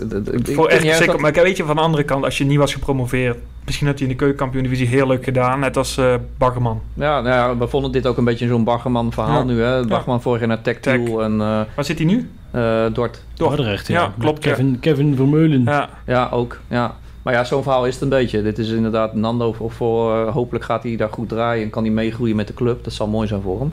Ja. Maar eh, nou ja, voor ons maakt het niet, denk ik niet zo En dan eh, FM. En we hebben niemand minder dan Frank Mossert in de uitzending. Welkom Frank. Goedenavond. goedenavond Frank. Goedenavond, Frank. Daverend applaus. Ook hier is geen publiek. eh, Ja. Welkom, helaas. Hey Frank, hoe heb jij geslapen dinsdagavond? Eh, ja, uiteindelijk wel goed, maar ehm, het was nog wel een, eh, een avondje vol eh, eh, spanning en, eh, en afwachten. Maar ja, uiteindelijk blij dat, eh, eh, dat, eh, dat het gelukt is om Ola vast te leggen. Want eh, eh, we hadden van onze kant uit 's smiddags alles in orde, maar vervolgens waren we afhankelijk van onze Portugese vrienden. En, ja, die hadden nogal wat, wat dingetjes die geregeld moesten worden. Maar Nou, uiteindelijk is het allemaal goed gekomen. Mooi. Frank, ehm, je gaf maandagavond eh, bij onze collega's van FC Afkikken aan dat er eh, wellicht nog iets aan zat te komen. Ja. Eh, als supporters zijn, zit, zit iedereen elke minuut van de dag, denk ik, op dinsdag te checken op Twitter van hebben we al nieuws. Hè? Er was ook best wel veel correspondentie onder elkaar. Kun je Ja. ons eens heel, heel kort meenemen, hoe gaat zo'n dag in de praktijk voor een algemeen directeur van RKC? Ehm, nou ja, op, eh, normaliter spelen er eh, eh, meerdere dingen op zo'n op zo'n eh, op zo'n dag, maar ehm, we waren nog met twee dingen bezig. De ene was vrij snel eh, eh, ehm, niet meer in beeld en, eh, en eh, de dag ervoor, even nadenken, was ik al bezig met Nando, met de verhuur van Nando Nusselingen, dus dat was ook al afgerond. Dus eigenlijk wisten we wel dat er ehm, eh, ja, dat, dat prioriteit was Ola en, en verder speelde er niet gek veel meer. Nou ja, eh, voor het eerst ook dat de markt in Nederland langer open is. Dus eh, nou ja, uitgaand eh, zag ik sowieso niet meer gebeuren eh, ehm, eh, van spelers vanuit ons. Dus de, focus lag volledig op, op Ola. En daar waren we, even kijken, maandag mee gestart. En ehm, nou ja, dinsdagochtend mee verder gegaan.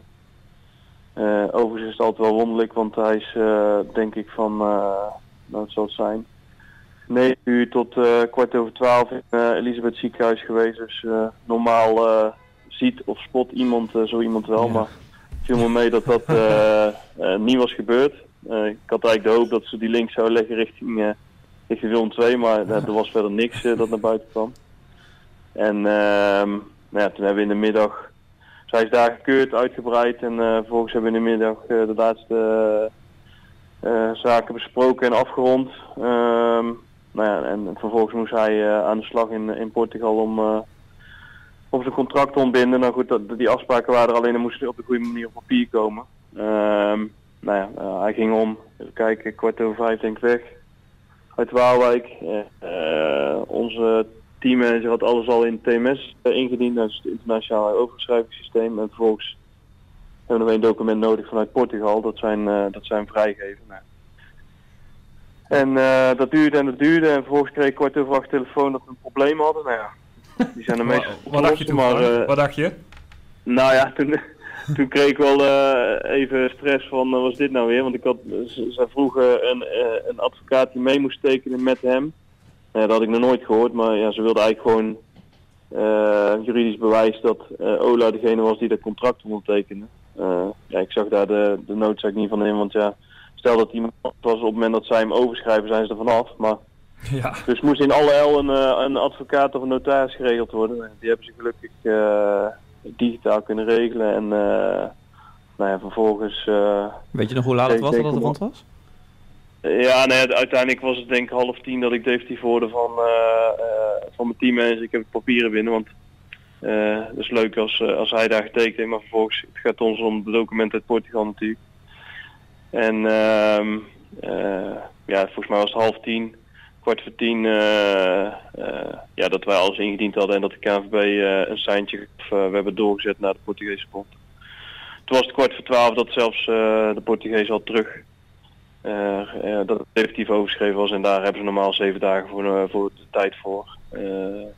Snel gegaan. maar het belangrijkste was dat, dat we hem ingediend hadden tijdig met alle juiste documenten en dat was half tien. Dus eh, ja, Snel gegaan. dacht ik van we zitten ruim voor de deadline en uiteindelijk eh, eh, ja, was het toch ook nog even spannend, maar het is allemaal goed gekomen. ja, top. Ja, want we zijn er allemaal blij mee. En toen je maandagavond in die uitzending van FC Afkikken zat, hoeveel procent had je Ja. toen zelf eh, het gevoel van dit gaat slagen? Ehm, nou ja, daar hadden we, hadden we op zich wel een goed gevoel bij, omdat hij was al bij ons. Het eerste contact was van, ik denk donderdag voor het weekend. Nou, toen zouden we eigenlijk zaterdag na de wedstrijd zitten. Nou ja, eh, iedereen weet wat er voorgevallen is, dus eh, die wedstrijd ging niet door, maar die afspraak ook niet. Nou, die hebben we heel snel verzet naar maandag. Ehm, nou ja, en, eh, ja, van beide kanten was het goede gevoel, dus eh, toen is hij ook al door ons fysio uitgebreid gekeurd, zag er goed uit. En ehm nou ja, volgende dag zouden we de laatste details bespreken. Dus op zich had ik wel eh, het goede gevoel. Anderzijds, ja, eh, er waren een hoop clubs die geïnteresseerd waren in hem. Ehm, en eh, ja, dat weet je natuurlijk nooit. Ehm, maar die maandagavond bij eh, FC Afkikken, eh, ja, had ik wel het gevoel. Alleen ik had altijd wel een slag om de arm. omdat het ja, om wat voor reden ook altijd nog mis kan lopen. En ehm, ja, je maakte zelf al een heel mooi bruggetje eh, wat dat betreft naar de zaterdag. Eh, de Ja. wedstrijd komt doorgaan door corona. Eh, natuurlijk het allerbelangrijkste. Hoe is het met de jongens die nou, of de, bes- de, ja, de, de, de besmette jongens en stafleden? Ja. Nou ja, die maken het naar omstandigheden goed. Er, zijn een, er zit nog ook nog een verschil in tussen een aantal die asymptomatisch zijn. Dus dat houdt eigenlijk in dat ze geen klachten vertonen, maar wel positief zijn. En een aantal die ja, echt klachten hebben. Eh, gelukkig niet dusdanig dat ze in het ziekenhuis zijn of, in, eh, of erger. Ehm, maar ja, wel de klachten die we allemaal eh, lezen en zien. Dus heel erg moe, veel hoesten, pijn op de borst, korte ademig. Dus Ehm, ja, dat, dat is even afwachten hoe ze daaruit komen en hoe snel ze herstellen. Ehm, maar gelukkig, ik klop me even af, ja, is tot nu toe eh, die positieve gevallen eh, is allemaal redelijk, eh, redelijk mild, Ja. om zo te zeggen. En is nog niet verergerd. Want heb je al enige zicht in hoe, de, hoe de besmetting moet zijn gelopen binnen, binnen de club? Nee, want het vreemde is, of vreemde, ehm, uiteindelijk de eerste drie gevallen hadden ook geen directe relatie tot elkaar. Dus de- we hebben, dan ga je dagen terug en de enige relatie die we konden vinden is dat ze alle drie eh, eh, bij de wedstrijd FC Utrecht eh, zijn geweest. Eh, mogelijk eh, in of door dezelfde ruimtes, maar voor de rest, die dagen daarna en die dagen daarvoor hebben die drie personen ja, geen enkel contact met elkaar gehad. Ehm, dus dan is dat heel moeilijk te herleiden. En, en vervolgens, eh, ja, de gevallen die daarna aan het licht komen, eh, ja, daar kun je ook niet met enige zekerheid zeggen dat het eh, van de een naar de ander is gegaan. Maar eh, ja, de- het feit dat het zo snel ging en op elkaar volgend, Ja. Ehm, ja, eh, dan kun je eigenlijk wel de conclusie trekken dat er toch een moment is geweest dat daar een, eh, een virusoverdracht heeft Ja. plaatsgevonden. En, en dat gaat, de beslissing om aan de bel te trekken bij de KNVB is vooral door die tweede shift zeg maar, aan jongens die nog kwamen met klachten, toch? Ja, want de- het protocol is uh, uh, mensen in twee tests, nou, dat hadden we net gedaan. Eh, overigens hebben we intern zelf ook een eh, strikt protocol dat al, al eigenlijk sinds maart, dat op het moment dat iemand klachten heeft, dan eh, belt hij de dokter, komt hij niet naar de club en wordt hij op afstand getest.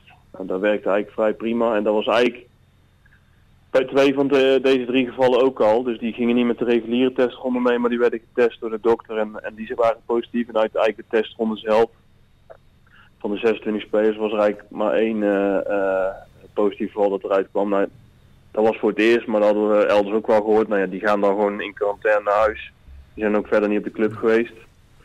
Ehm, eh, ja, vervolgens inderdaad eh, de, de, de, re- uit die testronde kwamen twee onduidelijke tests. Nou, ook dat gebeurt wel eens vaak, dat die beveld is of, of opnieuw eh, getest wordt, was ook niet zo raar. En eh, bijzonder was dat ook nog deze twee eh, gevallen eh, had ook nergens last van, geen klachten. Dus dat is altijd leidend, hè. Dus een, een negatieve test of een onduidelijke test eh, en, en geen klachten, ja, oké.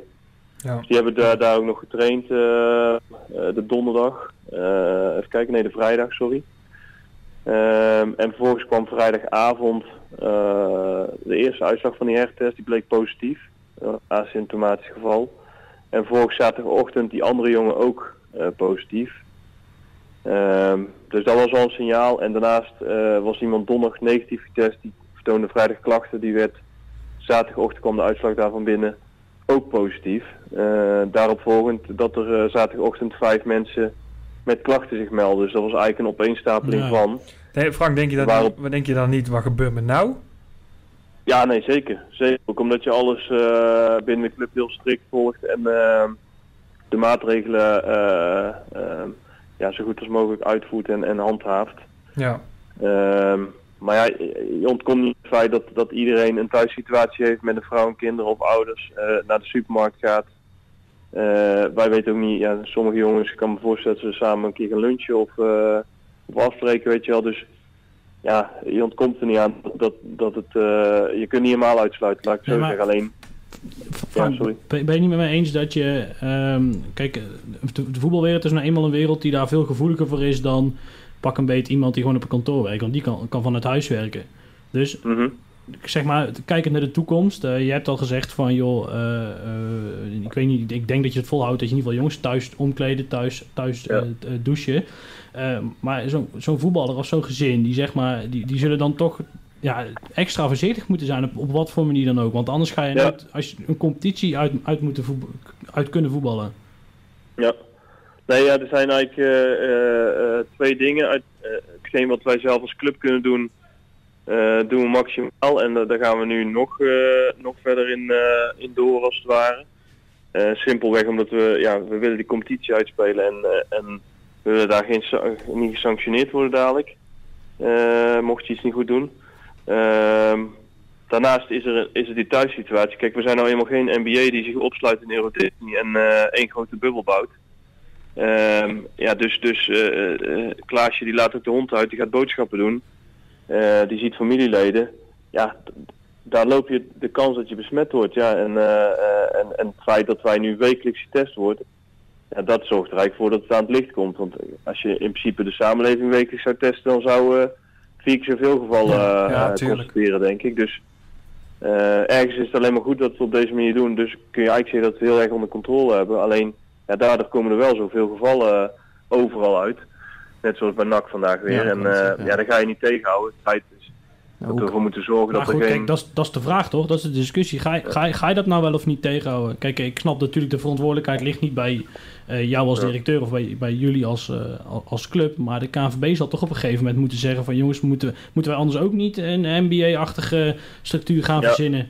Want anders... Nou ja, dat gaat, eh, d- daar is één, eh, eh, is daar geen geld voor en twee werkt daar bij eh, eh, onze cultuur en Nederlanders werkt er niet. nee. Net als dat eh, een eh, totale lockdown ook niet eh, in Nederland zal werken. Maar ehm, ja, het is wel, het is wel een, eh, een dilemma waar je mee, mee speelt. En, ehm, eh, Hoe kijk, je dan eh, naar de rest van de... Ja, sorry Frank. Nee, in principe eh, ehm, ja, hadden wij zaterdag gewoon kunnen spelen. Alleen eh, ja, ik vond dat, dat het dusdanig ernstig leek te gaan worden. En achteraf ja, een hele goede call. Want twee jongens die donderdag gewoon negatief waren eh, via de regels mochten spelen. eh, ja, die waren uiteindelijk maandag positief. Ja. Weet je wel, die hadden dan anders dus in de kleedkamer eh, rondgelopen en op het veld gestaan.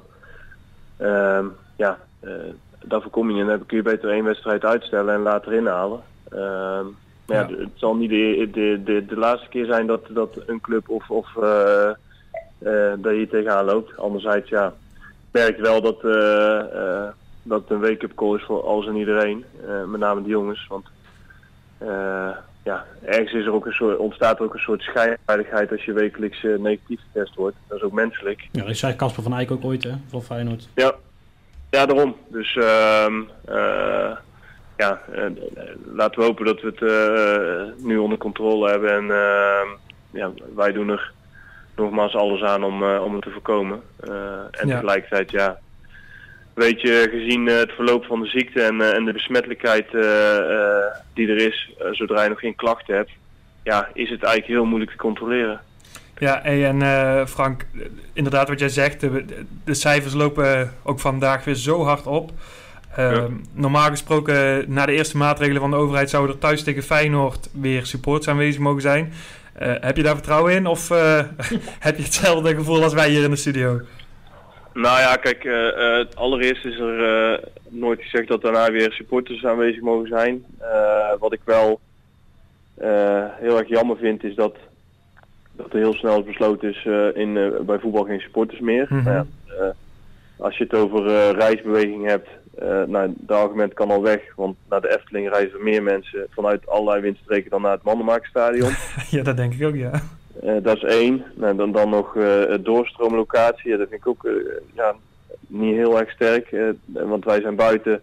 Hebben het fantastisch voor elkaar in het stadion, denk ik, met de afstanden en de, en de, en de maatregelen die we getroffen hebben. Ja, zeker. Ehm, dus ja, ik, ik vind het jammer dat er heel snel is geroepen van ja, geen supporters meer in het stadion. Want ja, één, eh, de sfeer is totaal weg.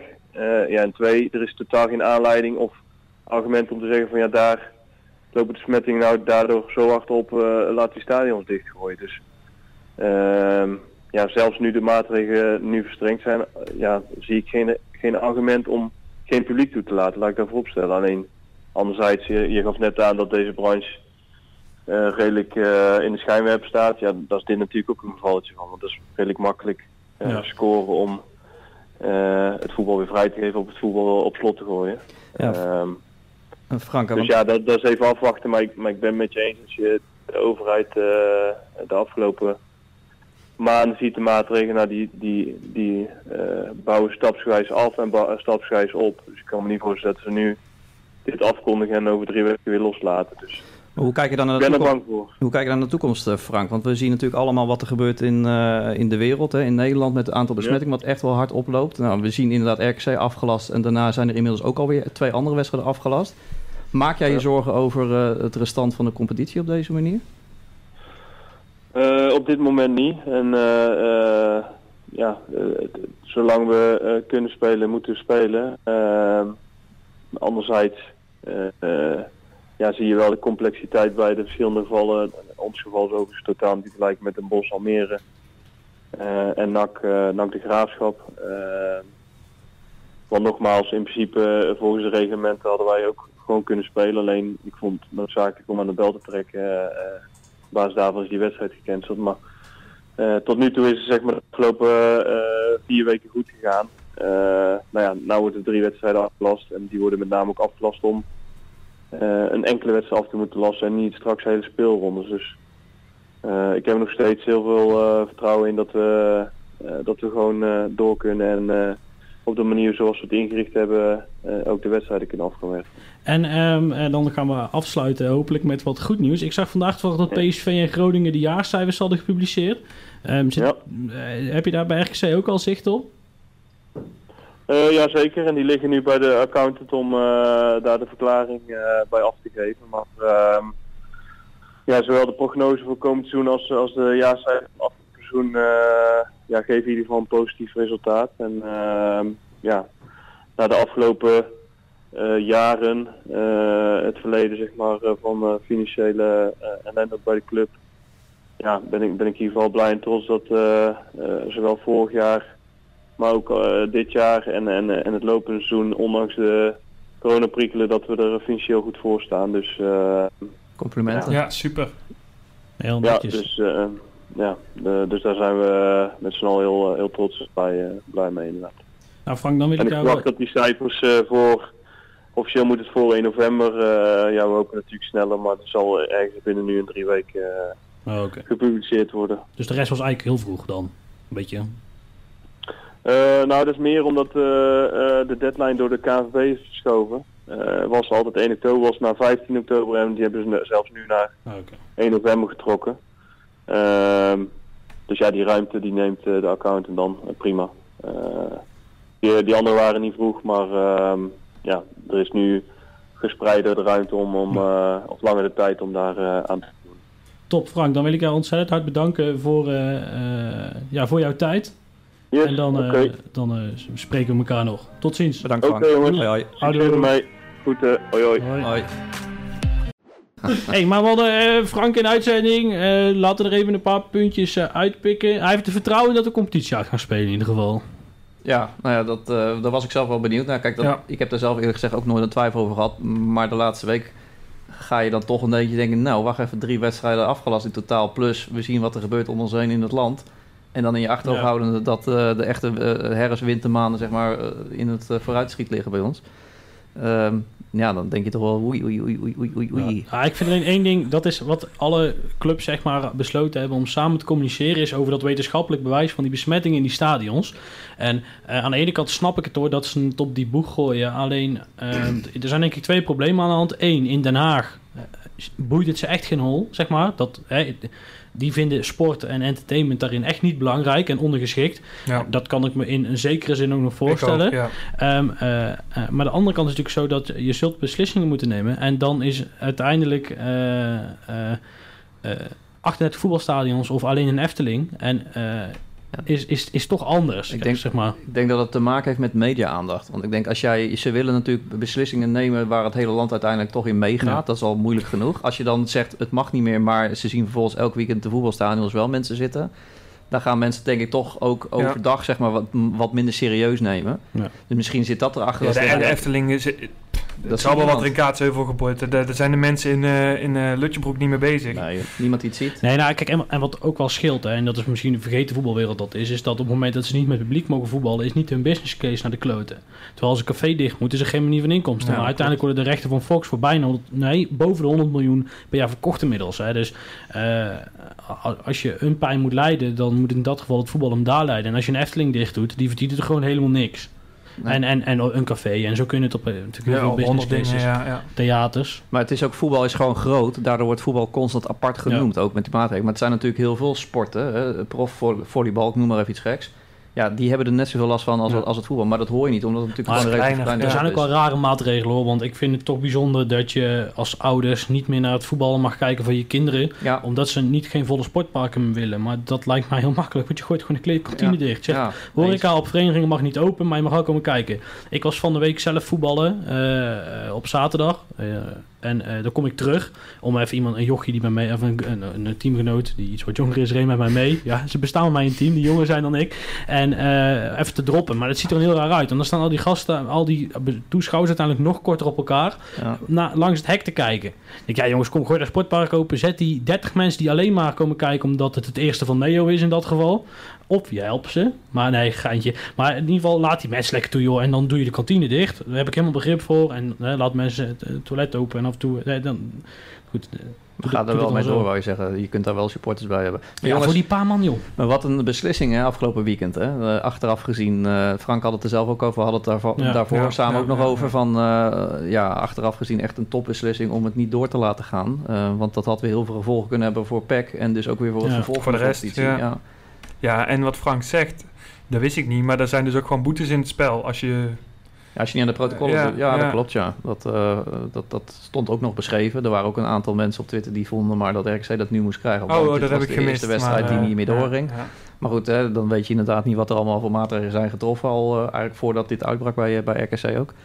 Maar eh, nou ja, goed, eh, ja, het is nooit goed nieuws dat er uiteindelijk nog een paar eh, positieve besmettingen uit zijn gekomen. Maar het onderstreept wel eigenlijk het belang van de beslissing die zaterdag genomen is. Ja, ja en eh, ja, wat, we, wat we al vroegen, en dat is ook voor de luisteraars iets om rekening mee te gaan houden, dat we er tegen Feyenoord ook gewoon nog niet bij gaan zijn. Nou ja, ja, ja je. Nee, maar het is- het is wat- niet. Lijkt me ook wel een beetje een dooddoener. Mag ik een voorspelling doen? Sowieso tot de winststop geen Tot winststop. Nee, Ja. ja, dan ben ik... Ja. Ja, Nou, joh, je gaat nou dezelfde, je gaat dezelfde curve in als dat in maart gaat. Want je ziet gewoon dat de maatregelen niet goed gevolgd worden. Eh, laten we het zo in ieder geval, het, het gaat niet. ja. En ja, dat, dan heb je weer twee maanden nodig om die curve naar beneden te brengen. ja. Wat je wel in je voordeel spreekt, is dat we protocollen eh, klaar hebben liggen waar een, eh, een paard hik van krijgt. En dus op het moment dat er weer iets kan, eh, Frank was er iets pessimistischer over, maar eh, dat eh, je wel kunt zeggen van joh, ga, ga maar open. Of dat je misschien Ja, lokaler op- zegt, op- ga maar sneller open. Opnieuw gaat voetbal een van de laatste dingen zijn natuurlijk. Nou, dat weet we ik niet. Aan de andere kant, het is, het, het is, het, is, het is open. Kijk, ik kan me wel voorstellen dat je zegt... hè, Amsterdam, Rotterdam, Den Haag... echter de coronabrand daar, dat je daar langer wacht. We hebben het over twee maanden. Hè? Want je zegt, joh, gooi dan die 1800 man in Waalwijk, laat die binnen. En die, wat is het, eh, maar 3000 dat- dat man in Sittard. Dat gaan ze niet doen. Dat weet ik niet. Nee. dus, eh, weet je, het is, ze, ze hebben het alleen maar over maatwerk de hele tijd als het op regio aankomt. Ja, maar Nederland nou, is te dat klein. is gefaald. Ja. Al- al- Ja, maar je weet ook hoe voetbalsupporters zijn. Dan is het land te nou, te klein. klein. We hebben onszelf de tweede golf in gepolderd. Maar goed, Nou, maar- voor de, voor Kijk, de, wat- eh, ja. Wat je op een gegeven moment zag met dat regionale, maar dat is inderdaad los van het voetbal. Maar je zag bijvoorbeeld dat bruiloft in Zuid-Holland niet meer mochten. hè. Dus wat zag je gebeuren? Ja. Dan gingen ze bij ons, Ja. eh, bij ons in de buurt in Arnhem gingen ze het feest houden. Ja, Ja. weet je, dan ver- verplaatst die hele groep zich. Ja. En daar is Nederland te klein voor.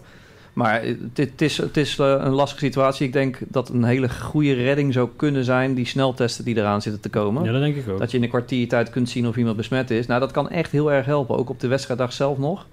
Eh, om, dat Maar heb je het dan kans- over spelers of supporters? Ja, spelers in dit Ja, geval. ja. nou, ja, ik zou zeggen, waarom niet allemaal? Waarom kun je niet, maar ook overal, hè, waarom kun je niet in de leest... eh, eh, maar je, je als zo'n test, schaarste als zo'n test 100 euro kost, Ook dat. En je krijgt schaars. kan jij want 100 euro betalen om naar RKC te kunnen. Heel Nederland zit erachteraan, nee, dus dat ja, als ze, vliegen wel. ze zullen vast niet gelijk zoveel hebben Nee, dat ja, echt precies. iedereen dat zomaar Exact, elke ja. keer kan gebruiken. Maar in ieder geval, ik vind het een heel positief iets voor het afmaken van een competitie, dat je tot op, bij wijze van spreken, een uur of twee uur van tevoren Tot, nog tot kunt aan de warming-up, ja. ja. En, dat Ja, is en, wel, en- eh, je zult misschien moeten nadenken over, moet je niet, eh, dat schrijf ik van de week op de column, eh, zei ik het ook, van moet je niet een cirkel breder gaan testen? Moet je niet eh, Hans Mulder, zijn vrouw, eh, Hans Mulder heeft trouwens niet, vandaag op de training zien lopen, dus niet dat we die, eh, maar moet je niet Hans Mulder zijn vriendin of vrouw ook meetesten? Of eh, Ja, eh, maar, mensen ja, die, maar dat- kan natuurlijk ook niet zomaar. nou, het Ja, probleem is dat ook, ja. ook zijn vrouw heeft een eigen leven. Ja, precies. En die heeft ook Ja, nee, maar goed, nee, maar stel, kijk, op, daar is toch de persoon met wie die eh, eh, toch, eh, als het goed is, eh, ah, zeven keer per week in bed ligt, eh, acht uur lang, eh, rond en nabij. Eh, dus dat is de eerste persoon waar je een besmetting Ja, van zou kunnen klopt. krijgen. Dus als je, op maandag, als je op maandag haar al kan testen, dan weet je meteen, oh, Hans moet even een test hebben en drie dagen in quarantaine, zelf trainen, om te voorkomen dat hij Ja. op, de, op de club Ah, komt ja, en ik- eh je een huk geeft. Ik snap wat je zegt, maar de, de vrouw van Hans Mulder staat niet onder contract bij RKC. Dus dat kan niet. Nee, je kunt, kijk, je kunt als ze zelf mee willen Ja. werken, en dat zullen ze wel willen, zou je het inderdaad, dat zou een, een mogelijke oplossing kunnen zijn om dat ook vaker te doen. Maar ja, jongens, eh, corona, het, het is Ja, lastig het is en we het hebben is, ermee te ja. dealen. En, eh, maar hoe vonden jullie, even iets anders wat Frank nog gezegd heeft eh, voordat we naar het volgende nummer gaan. Eh, hoe vonden jullie eh, het om te horen hoe zo'n laatste transfer eh, tot stand is gekomen? Ja, heel gaaf. Maar, ehm, eh, eh, of nou, geen maar, dat is heel gaaf. En toch wel leuk dat dat toch donderdag al, eh, dat hij toch zei, donderdag was het eerste, eerste contact al daar. Ja, Eh, op, en opvallend dat er ja. veel kluts eh, geïnteresseerd waren. Ja. Niet gek natuurlijk. Nee, ik Na vind het M wel- is heel veel gevallen. En ik vind het ergens ook wel jammer dat Frank heel berekenend is in wat hij zegt. Het zou natuurlijk veel leuker zijn als je alle Justin Goedzee per ongeluk zegt van wie die komt en eh, waar, weet ik veel. Weet je wel, zulke, zulke gekke feitjes. Maar dat is, nou, Moet je een biertje met hem drinken? Misschien dat je op een gegeven moment dan... of twee. eh, of drie, ja. Maar dat mag nou niet meer. Nou, Nee. tot tien uur of zo. Nee, maar ehm, eh, eh, ik, trouwens een tip nog. Ehm, PSV heeft eh, een mediateam van hunzelf mee laten lopen op de laatste twee dagen in het stadion. Dus mocht je dat nou heel interessant Ja. vinden, hè, dat, hoe werkt dat nou? Eh, geen commentaar. Eh, er is niks in geëdit of zo. Alleen maar natuurlijk alles achter elkaar geknipt. En gewoon de laatste 48 uur in, eh, Philips Stadion. In 20 minuten geloof ik, hè? ja, 20 Ja, minuten. ja. En dat is heel leuk om te zien. Dan zie je die geutjes binnenkomen. En de laatste 48 uur van de transferperiode. Ja, ja, dus, cool. dus zeg maar Heel heel, leuk, de ja. maandag en heel de, heel de dinsdag. Dus die van Ginkel wordt getest. Eh dan komt die Duitse jongen van Fijn. eh, Fijn die komt. Ja. En, en Goetz ook. Dus mocht je dat nou interessant vinden, moet je dat eh, zeker voor luisteren. de liefhebbers Ja, eh, op, de, ja. op de Twitter van PSV. Ja. At PSV. Maar toch wel opvallend, jongens, om nog even terug te komen op, eh, op eh, John. Dat ook eh, als- Frank het dus maandagavond aangeeft bij FC afkicken, je hebt vaak zelf Ja. het idee, ah ja, weet je, dan is het al voor 90% zeker. En dan er zijn toch een paar medische keuring, bla bla bla. Maar dan, dan, dan zie je toch dat zo'n transfer, het hangt van zoveel elementen af waar ja. je zelf als Frank of als RKC Ja. geen directe invloed op hebt.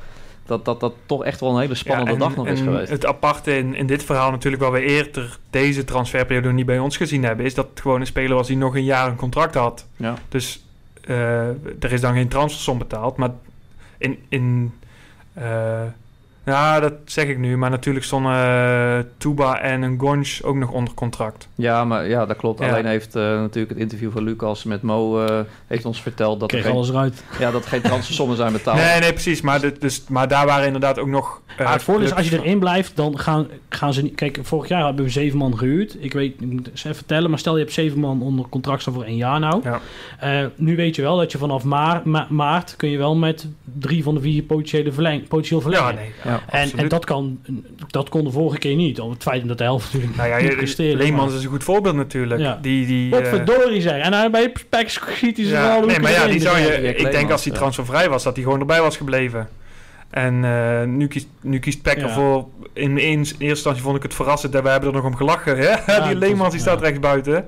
Maar wel speler van de maand. Dus eh, ja, dat is wat je Ja, zegt. Het is hem ook Maar- gegund. Dat Met- het, Ja, maar- jongens, hoe vet is het dat we als RKC, eh, gewoon- RKC-supporter gewoon zenuwachtig zijn de laatste dag van de transfermarkt? Ik kan het me niet herinneren, als ik heel eerlijk ben. Nou ja, ik weet nog wel dat we wel eens vaak tegen elkaar hebben gezegd... het zal wel vet zijn om een keer een speler te krijgen... waar je echt dat, dat wauw-gevoel bij hebt. Ja. Ja, dat is wel gelukt. Dat was natuurlijk bij Anita al wel eh, Ja. gelukt. Hè? We hebben meer goede voetballers, alleen die zijn gewoon wat minder bekend nog. Ja. Maar Anita kent Ja, iedereen. en, en Van der Wiel is natuurlijk eh, overgeschreven. Hè? Dus nu op amateurbasis speler van de Ja. club. Ja, dat- dat- ja goed. Ja, dat is uiteindelijk ook administratief leuk, maar... Nee, maar dat, heeft wel, dat geeft wel de intentie weer natuurlijk. Ja. Want je kan hem ook over drie maanden overschrijven. We gaan nog heel even terugkijken. Als we nou... Hè, afgelopen dinsdag ging dan eindelijk de transfermarkt eh, dicht. Eh, als wij de RKC zouden moeten beoordelen... eh, Geef eens een cijfertje, mannen. Ik geef een 8. Ik ook, ja. Zat ook aan de achterding. Ja, ik ook. Ja, ja, ja. ja ik, het- eh, Ik- als ik nou één wens mag uitspreken, dan had ik eh, een eh, echte coach voor eh Melle wel had niet misstaan. Eh, maar goed, eh, Het enige wat ik eerlijk gezegd ook, ook mis... Is een verdediger. eh, is een centrale Ja. verdediger nog achterin een rechts, eh, rechtspootje. Die, eh, die had ik graag zien. Een Kuko bijvoorbeeld dan. ja. ja. Gooi ja, hem toch even in. Gooi hem toch even in. Ja. Nee, ja, kijk, ja, wat, wat ik zeg, het is toch lekker, lekkerder om die zekerheid een beetje, een beetje in te bouwen wat dat, wat dat betreft. Ja, en nou is het aan Fred, hè. Je, hij heeft een best wel redelijke selectie gehad. We staan in ieder geval nu op hetzelfde punt als waar we vorig jaar geëindigd waren. Eh mijns inziens. En, Op nul? eh, Ja. 15 punten. Nee. nee, maar goed, qua kwaliteit, qua teamstaat. eh en ik denk Ja. zelfs dat je vanaf nu nog door kunt groeien. En eh, ja, je hebt eh, drie niet zo hele makkelijke wedstrijden. En dan één waarin het toch eh, moet gaan gebeuren. Ja. En, eh, wat een heerlijk bruggetje dit. Laten we daar eens op vooruit gaan kijken. Eh, allereerst eh, mogen we uit naar Heracles. Dat was vorig jaar was dat de laatste. Ja, klopt Ja. ja. Dus dan werd het nog 0-2. Ja. eh, toen stond ik op de piste. Toen dacht ik, wat, wat gaat hier gebeuren? We gaan winnen daar. Maar dat was Ja. heel snel daarna ineens... eh, Ik, heb, ik denk dat het de enige wedstrijd is in de afgelopen jaar waar RKC echt onverdiend heeft voorgestaan. Echt, echt onverdiend. het Nou, was echt een godswonder ja, dat, die twee, ja. dat we 2-0 voorkwamen. ja, ik zag dat niet. Ik kreeg alleen af en toe zo'n Ja. tik op mijn pols. Zag ik Ja. weer een doelpunt. Dus ik denk, wat de fuck gebeurt hier? Sorry voor het woord. Maar eh, nou ja, jongens. eh, wat mij betreft, eh Heracles zeker geen hele eh, goede, fantastische ploeg. Puntje. Ehm, ja, een puntje. En, en Nou, die, dat is eigenlijk ook al. Dat is ook al een club die heel veel last heeft van corona. Want die kon nog wel eens een gokje nemen. Ja. Eh, maar dat kan niet meer. Ze hebben alleen die van de water. Ja. En godzijdank kan die jongen voetballen. Anders dan had hij sociaal werker eh, sociale werkplaats gezeten. Maar het is nog wel steeds kunstgras daar, toch? Ja, ja. Ja. er ligt nou weer een nieuwe in Er geloof ik. zijn er nog Ja. drie met kunstgras volgens mij. Sparta, eh, Heracles en Emmen. En Heracles En- was ook de eerste. hè? Ja, en Heracles Ja, gaat nog wel houden. Die, die en hoofdsponsor is eh Ja, kunstgras, toch? Oh, Ja. ja. Ja. Ja, is dat zo? Is Ja. dat een Ja, kaart? goed, hier aan de snelweg, die Desso, die maakt het ook. En gewoon die, eh, Nee, nee, mee eens. niet. Maar ik bedoel, eh, je kan... Ja, dat is de enige reden waarom Ja. eh, Heracles nog eh, kunstgras heeft natuurlijk. Ja, en eh, Emmen die gaan naar een nieuw stadion toe, willen Ja. ze. Daar Ja. komt wel... Trouwens ook wel opvallend, hè? We hebben die coach ook doorgestuurd. Dat die voorzitter zegt: Ja, nee, dat klopt. We nemen gigantische risico's. Ja, Ja. en? Ja, goed, dat dacht, moeten ze wel 20 jaar geleden ook gedacht hebben. En toen stonden we 15 jaar later met z'n allen op het gemeentehuis. Ja. Ja. En eh, Sparta die wil ook wel gaan veranderen. Maar, Bram? Nou, ik wil zeggen, Emmen heeft één ding. Ze hebben daar een achterland, eh, Heel groot. geografisch Ja. gezien ook wat zoveel groter is. Dus ze hebben denk maar ik dat wel hebben ze in Enschede ook. Ja, maar en goed, daar eh, stonden ze ook bij de gemeente. Omdat de gemeente Ja. zich toch mee moest bemoeien. Maar dat is natuurlijk omdat die risico's die ze daar genomen hebben achteraf gezien echt bizar groot waren. Ja, goed. Maar ja, dat, eh, ik, ik vind dat bij Emmen, dat is en blijft ook vrij bijzonder. Hoe, eh, en toch is daar niet heel veel gebeurd deze zomer. Ik had daar op een gegeven moment kregen die... Ja, maar daar, geruchten- al die jongens zijn gebleven, hè? Ja, dat die is middenvelder en Ja, maar zo. je kreeg die, die padgeruchten toen in die tijd. Ja. Weet je, dan denk ik, nou wow. Ja, zijn ja, nou maar mee toen ging het gerucht ook dat ze die Peña gingen verkopen voor 15 Ja. miljoen. Ja. Ja. Maar die is uiteindelijk gebleven. Die is gebleven. Da- da- dat is hun winst geweest, dat alle jongens gebleven zijn. Ja, maar ja, toch, dan denk ik, ja, nou, jij eh, tweette toen nog, of uh, appte nog uh, Armenteros misschien. Ja, die Nou, waren, daar waren ze mee bezig. ik ja. ben blij dat dat niet doorgaat. Ja. Waar is die eigenlijk heen gegaan, jongens? Eh, naar eh, de Zandbak. zandbak. Oh. Laten we het daarbij... eh, bij houden. Ik zou, Ja, ja. Die clubs, kun je hem opgoogelen, die Ja. club, maar die kennen we toch niet. hey, maar eh, ja, Heracles dus. Wat denk jij, Lucas? Ja, ik denk dat we wel voor een puntje gaan. Maar ik, het is erg heel... Ja, goed, het is een dooddoener, maar erg afhankelijk van wie er niet mee kan doen hè, met de corona. Ja, hè. Ja, dat vind ik dus ook lastig. Dat vind ik heel gevaarlijk, want als het straks eh, eh, en Effie is en eh, onze Damascan en zo... Ja. En Anita. dan wordt het, Ja. ja. en Anita, dan wordt het allemaal heel pril. Maar Ja. is het... eh nou ja... Eh, dat is Blijf ook gewoon letterlijk afwachten voor elk weekend wat, Ja. wat kan Ja. spelen, wie kan Ja. spelen, hoe gaan we spelen. En, maar jij zei net op een gegeven moment, Grim, die mag het laten zien. Nou, dat was toevallig, ik heb vanmiddag een tijdje met een PSV'er gepraat. Daar hadden we het natuurlijk over de opvallende transfers ook van hun Ja. hè, en, eh, en onze John. En hij zei op een gegeven moment ook van ja, fantastische selectie en dit, eh, dit moet helemaal goed komen. Dus ik zei nou ja, de trainer kan het nu laten zien bij jullie. Maar eigenlijk eh, geldt dat ook voor ons eh, RKC. Grim heeft nu een selectie gekregen van Mo en, eh, Ja. en Frank waar Ja. hij wel wat mee kan. Ja, Dus- als je de selectie naast die van vorig jaar legt.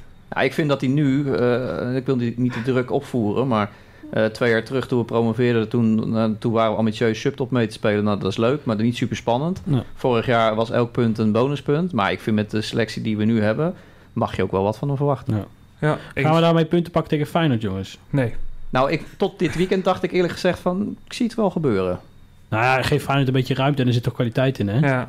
Ja, dat is het. Ja, ze vielen, me, ze vielen me positief. Een wedstrijd die vorig jaar niet op het programma stond trouwens. Want eh, die was toen na Groningen de eerste vol- eerstvolgende thuiswedstrijd. En dat ging eh, he- helaas niet door. De laatste wedstrijd weet ik nog goed. Dat was met John Guidetti met het rare gedrag. Toen kwamen ze 1-0 achter en toen wonnen ze nog met 2-1. Het is een Waalwijk. eh Ja. Oh nee, wacht eens. Het jaar daarvoor. Het jaar daarna wonnen we trouwens. Met eh onze badmeester die scoorde. Joachim. Joachim, Kant ja. wedstrijd laatste in minuut, laatste seconde. Maar het, is- het is in Waalwijk, Het is hè? nee, Ja, ja, Waalwijk, het ja. Waalwijk, ja. Zal ik eens wat De vertellen? laatste wedstrijd is in de Kuip. Noteren mensen thuis. Het wordt 3-1. Die schrijven we Voor op. Feyenoord. Oh. Nee, voor Oh, eh, oh. ons, ons Waalwijk. Ja, je hoort het hier als eerste, hè? Ja, Ja. nee, schrijf hem op jongens. En eh, ik hoor het graag als ik het niet goed heb. En dan eh, AZ uit. Ja, AZ is natuurlijk niet echt heel goed bezig. Maar ja, Ja, dat- Martens in die. Ja, nou ja, die kan... eh, Wel die- lekker? Machtens in die Envelaar in het centrum. Nee, maar AZ, jongens, realistisch natuurlijk. Normaal gesproken. Eh. Normaal nul punten met En, eh, een beetje mazzel 1. De club die, waar we eigenlijk gelijk tegen speelden. Maar wij zijn beter geworden en zij niet, Sparta.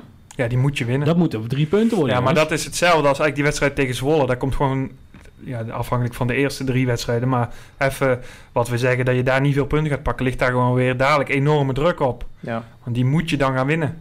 Ja, maar we hebben ook echt wel de spelers nou. Ja, nee, mee eens. Maar, nee, Dus- eens. maar inderdaad, ja, je moet die, Die wel moet je winnen. winnen, Kijk, dat is het nadeel van zo'n programma wat je nu hebt. Het zou zo Ja. lekker zijn geweest als je gewoon even snel een paar punten kan pakken. Dan is het inderdaad dat Kijk, gevoel en, een en, beetje... en dat is hetzelfde. Je kan een puntje pakken bij AZ en dan vervolgens thuis van Sparta verliezen. Maar dan weet ik wel wat je beter kan doen. Ja.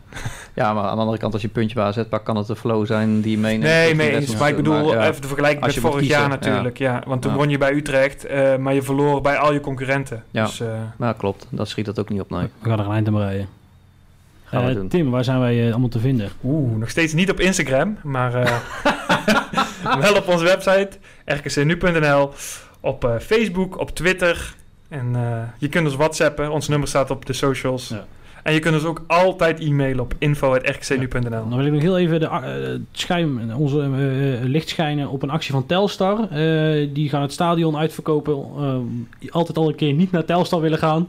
Onder dat motto. Ja, Eh, maar- 1,50 hè? Eh, ja, eh, 1,63 dacht ik uit mijn hoofd. En dat is om een goed doel te steunen. In dit geval iemand die ernstig ziek is. En die mm, altijd voor anderen heeft ingestaan. En eh, kijk zeker even op hun eh, socials. Top, dat is een mooie actie. En dan mogen wij Erik Dankers eh, bedanken vanavond voor zijn hulp in de studio. Het was wel nodig Het, vandaag. eh, hadden een off day. Frank van Mosselveld, hartstikke bedankt dat je weer eh, even Ja. ons te woord wilde staan. En eh, onze good old eh, The Goat, Enrico Drost, bedankt weer eh, voor het ingesproken bericht. Wij zijn er eh, volgende maand weer op 12 november Zet hem in de agenda. om 8 uur op Langstraat FM. Be, Houdoe. be there, houdoe. Doei doei! Goedenavond, beste supporters van de RKC en mijn vrienden van de podcast. Hoe is het? Weer een podcast van uh, Rico Drost, eh, oud centrale verdediger van de RKC. En eh, nou, nu speel ik voor ASWH in uh, Hendrik Ido Ambacht. Hiermee spelen we tweede divisie. Ja, eigenlijk de topamateurs. Uh, in een competitie met uh, IJsselmeervogels, Katwijk. Uh, dat soort clubs, Kozakkenboys. En uh, ja, wij zijn nu ook even onderweg. Uh, We hebben nu vijf wedstrijden gespeeld. Eh, negen punten behaald. Ehm, ja, eigenlijk tot nu toe eh, presteren we een beetje boven verwachting. We hebben vorig jaar eh, heeft de ASVA het moeilijk gehad in die tweede divisie. Hebben ze 15 punten gehaald in totaal. Dus we zijn nu al over de helft met vijf wedstrijden. Dus dat, dat gaat de goede kant op. Eh, persoonlijk, eh, ja, in de laatste oefenwedstrijd eh, voordat de competitie begon, ja, blessure opgelopen. Een paar gekneusde ribben. Dus ik heb helaas de eerste drie wedstrijden moeten missen door die blessure. En ik ben nu weer fit aan het worden. Ehm, ja, wij spelen vanavond tegen Staphorst voor de beker. Eh, maar ja, dat, eh, dat horen jullie pas donderdag. Dus eh, voor de volgende loting zijn we, ja, mochten we winnen dinsdag, zijn we gekoppeld aan, aan Zwolle. Dus dat, nou ja, dat zou voor de club mooi zijn. En voor ons als team ook natuurlijk, mochten we dit het halen. Eh, zaterdag spelen we opnieuw een competitiewedstrijd tegen Quick Boys. Dus we gaan lekker zo door. Nou ja, hopelijk blijven we zo presteren. Ja, over RKC. eh, natuurlijk een eh, lastig, begin, eh, een lastig begin van de competitie gehad. Ehm, ja, het begon tegen Vitesse. Lastige wedstrijd. Ehm, ja, Vitesse was de betere ploeg in deze, in deze pot, denk ik. Denk dat je echt de laatste eh, nou, 15, 20 minuten eh, van de wedstrijd... eh, nou, dat je echt druk kon zetten op Vitesse en een paar keer gevaarlijk bent geworden. En eh, ja, helaas eh 1-0 verloren. Ja, de week erop eh, mag je naar Ajax. Ja, wat sowieso natuurlijk geen makkie is. Eh, kunnen we alle clichés uitgooien, maar ja, die verlies je met 3-0. Wat geen schande is natuurlijk. En eh, ja, de week erop eh, mag je naar Utrecht. Ja, het zit qua begin van de competitie natuurlijk, qua programma zit het niet mee. Eh, het is een lastig begin geweest van de competitie.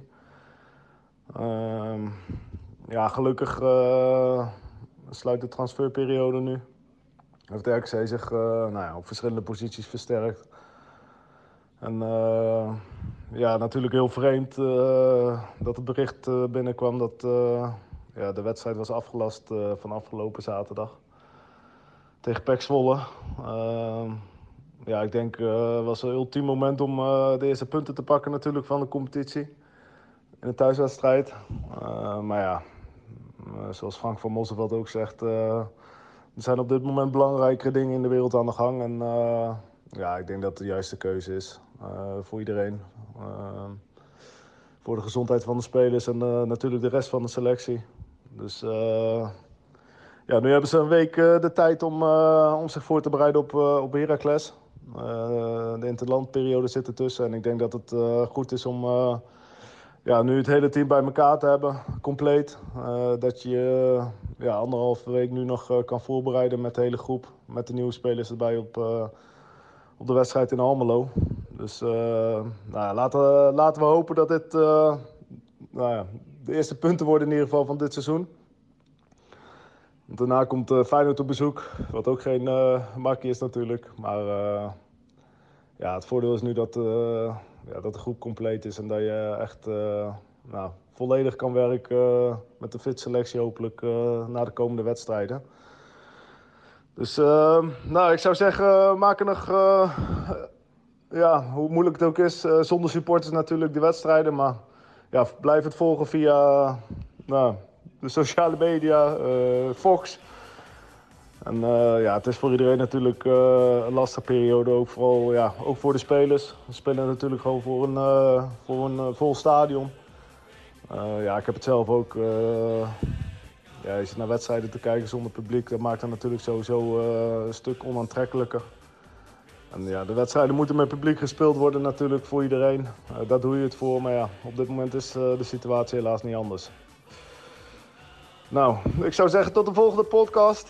Ehm, ja, succes de komende weken met RKC.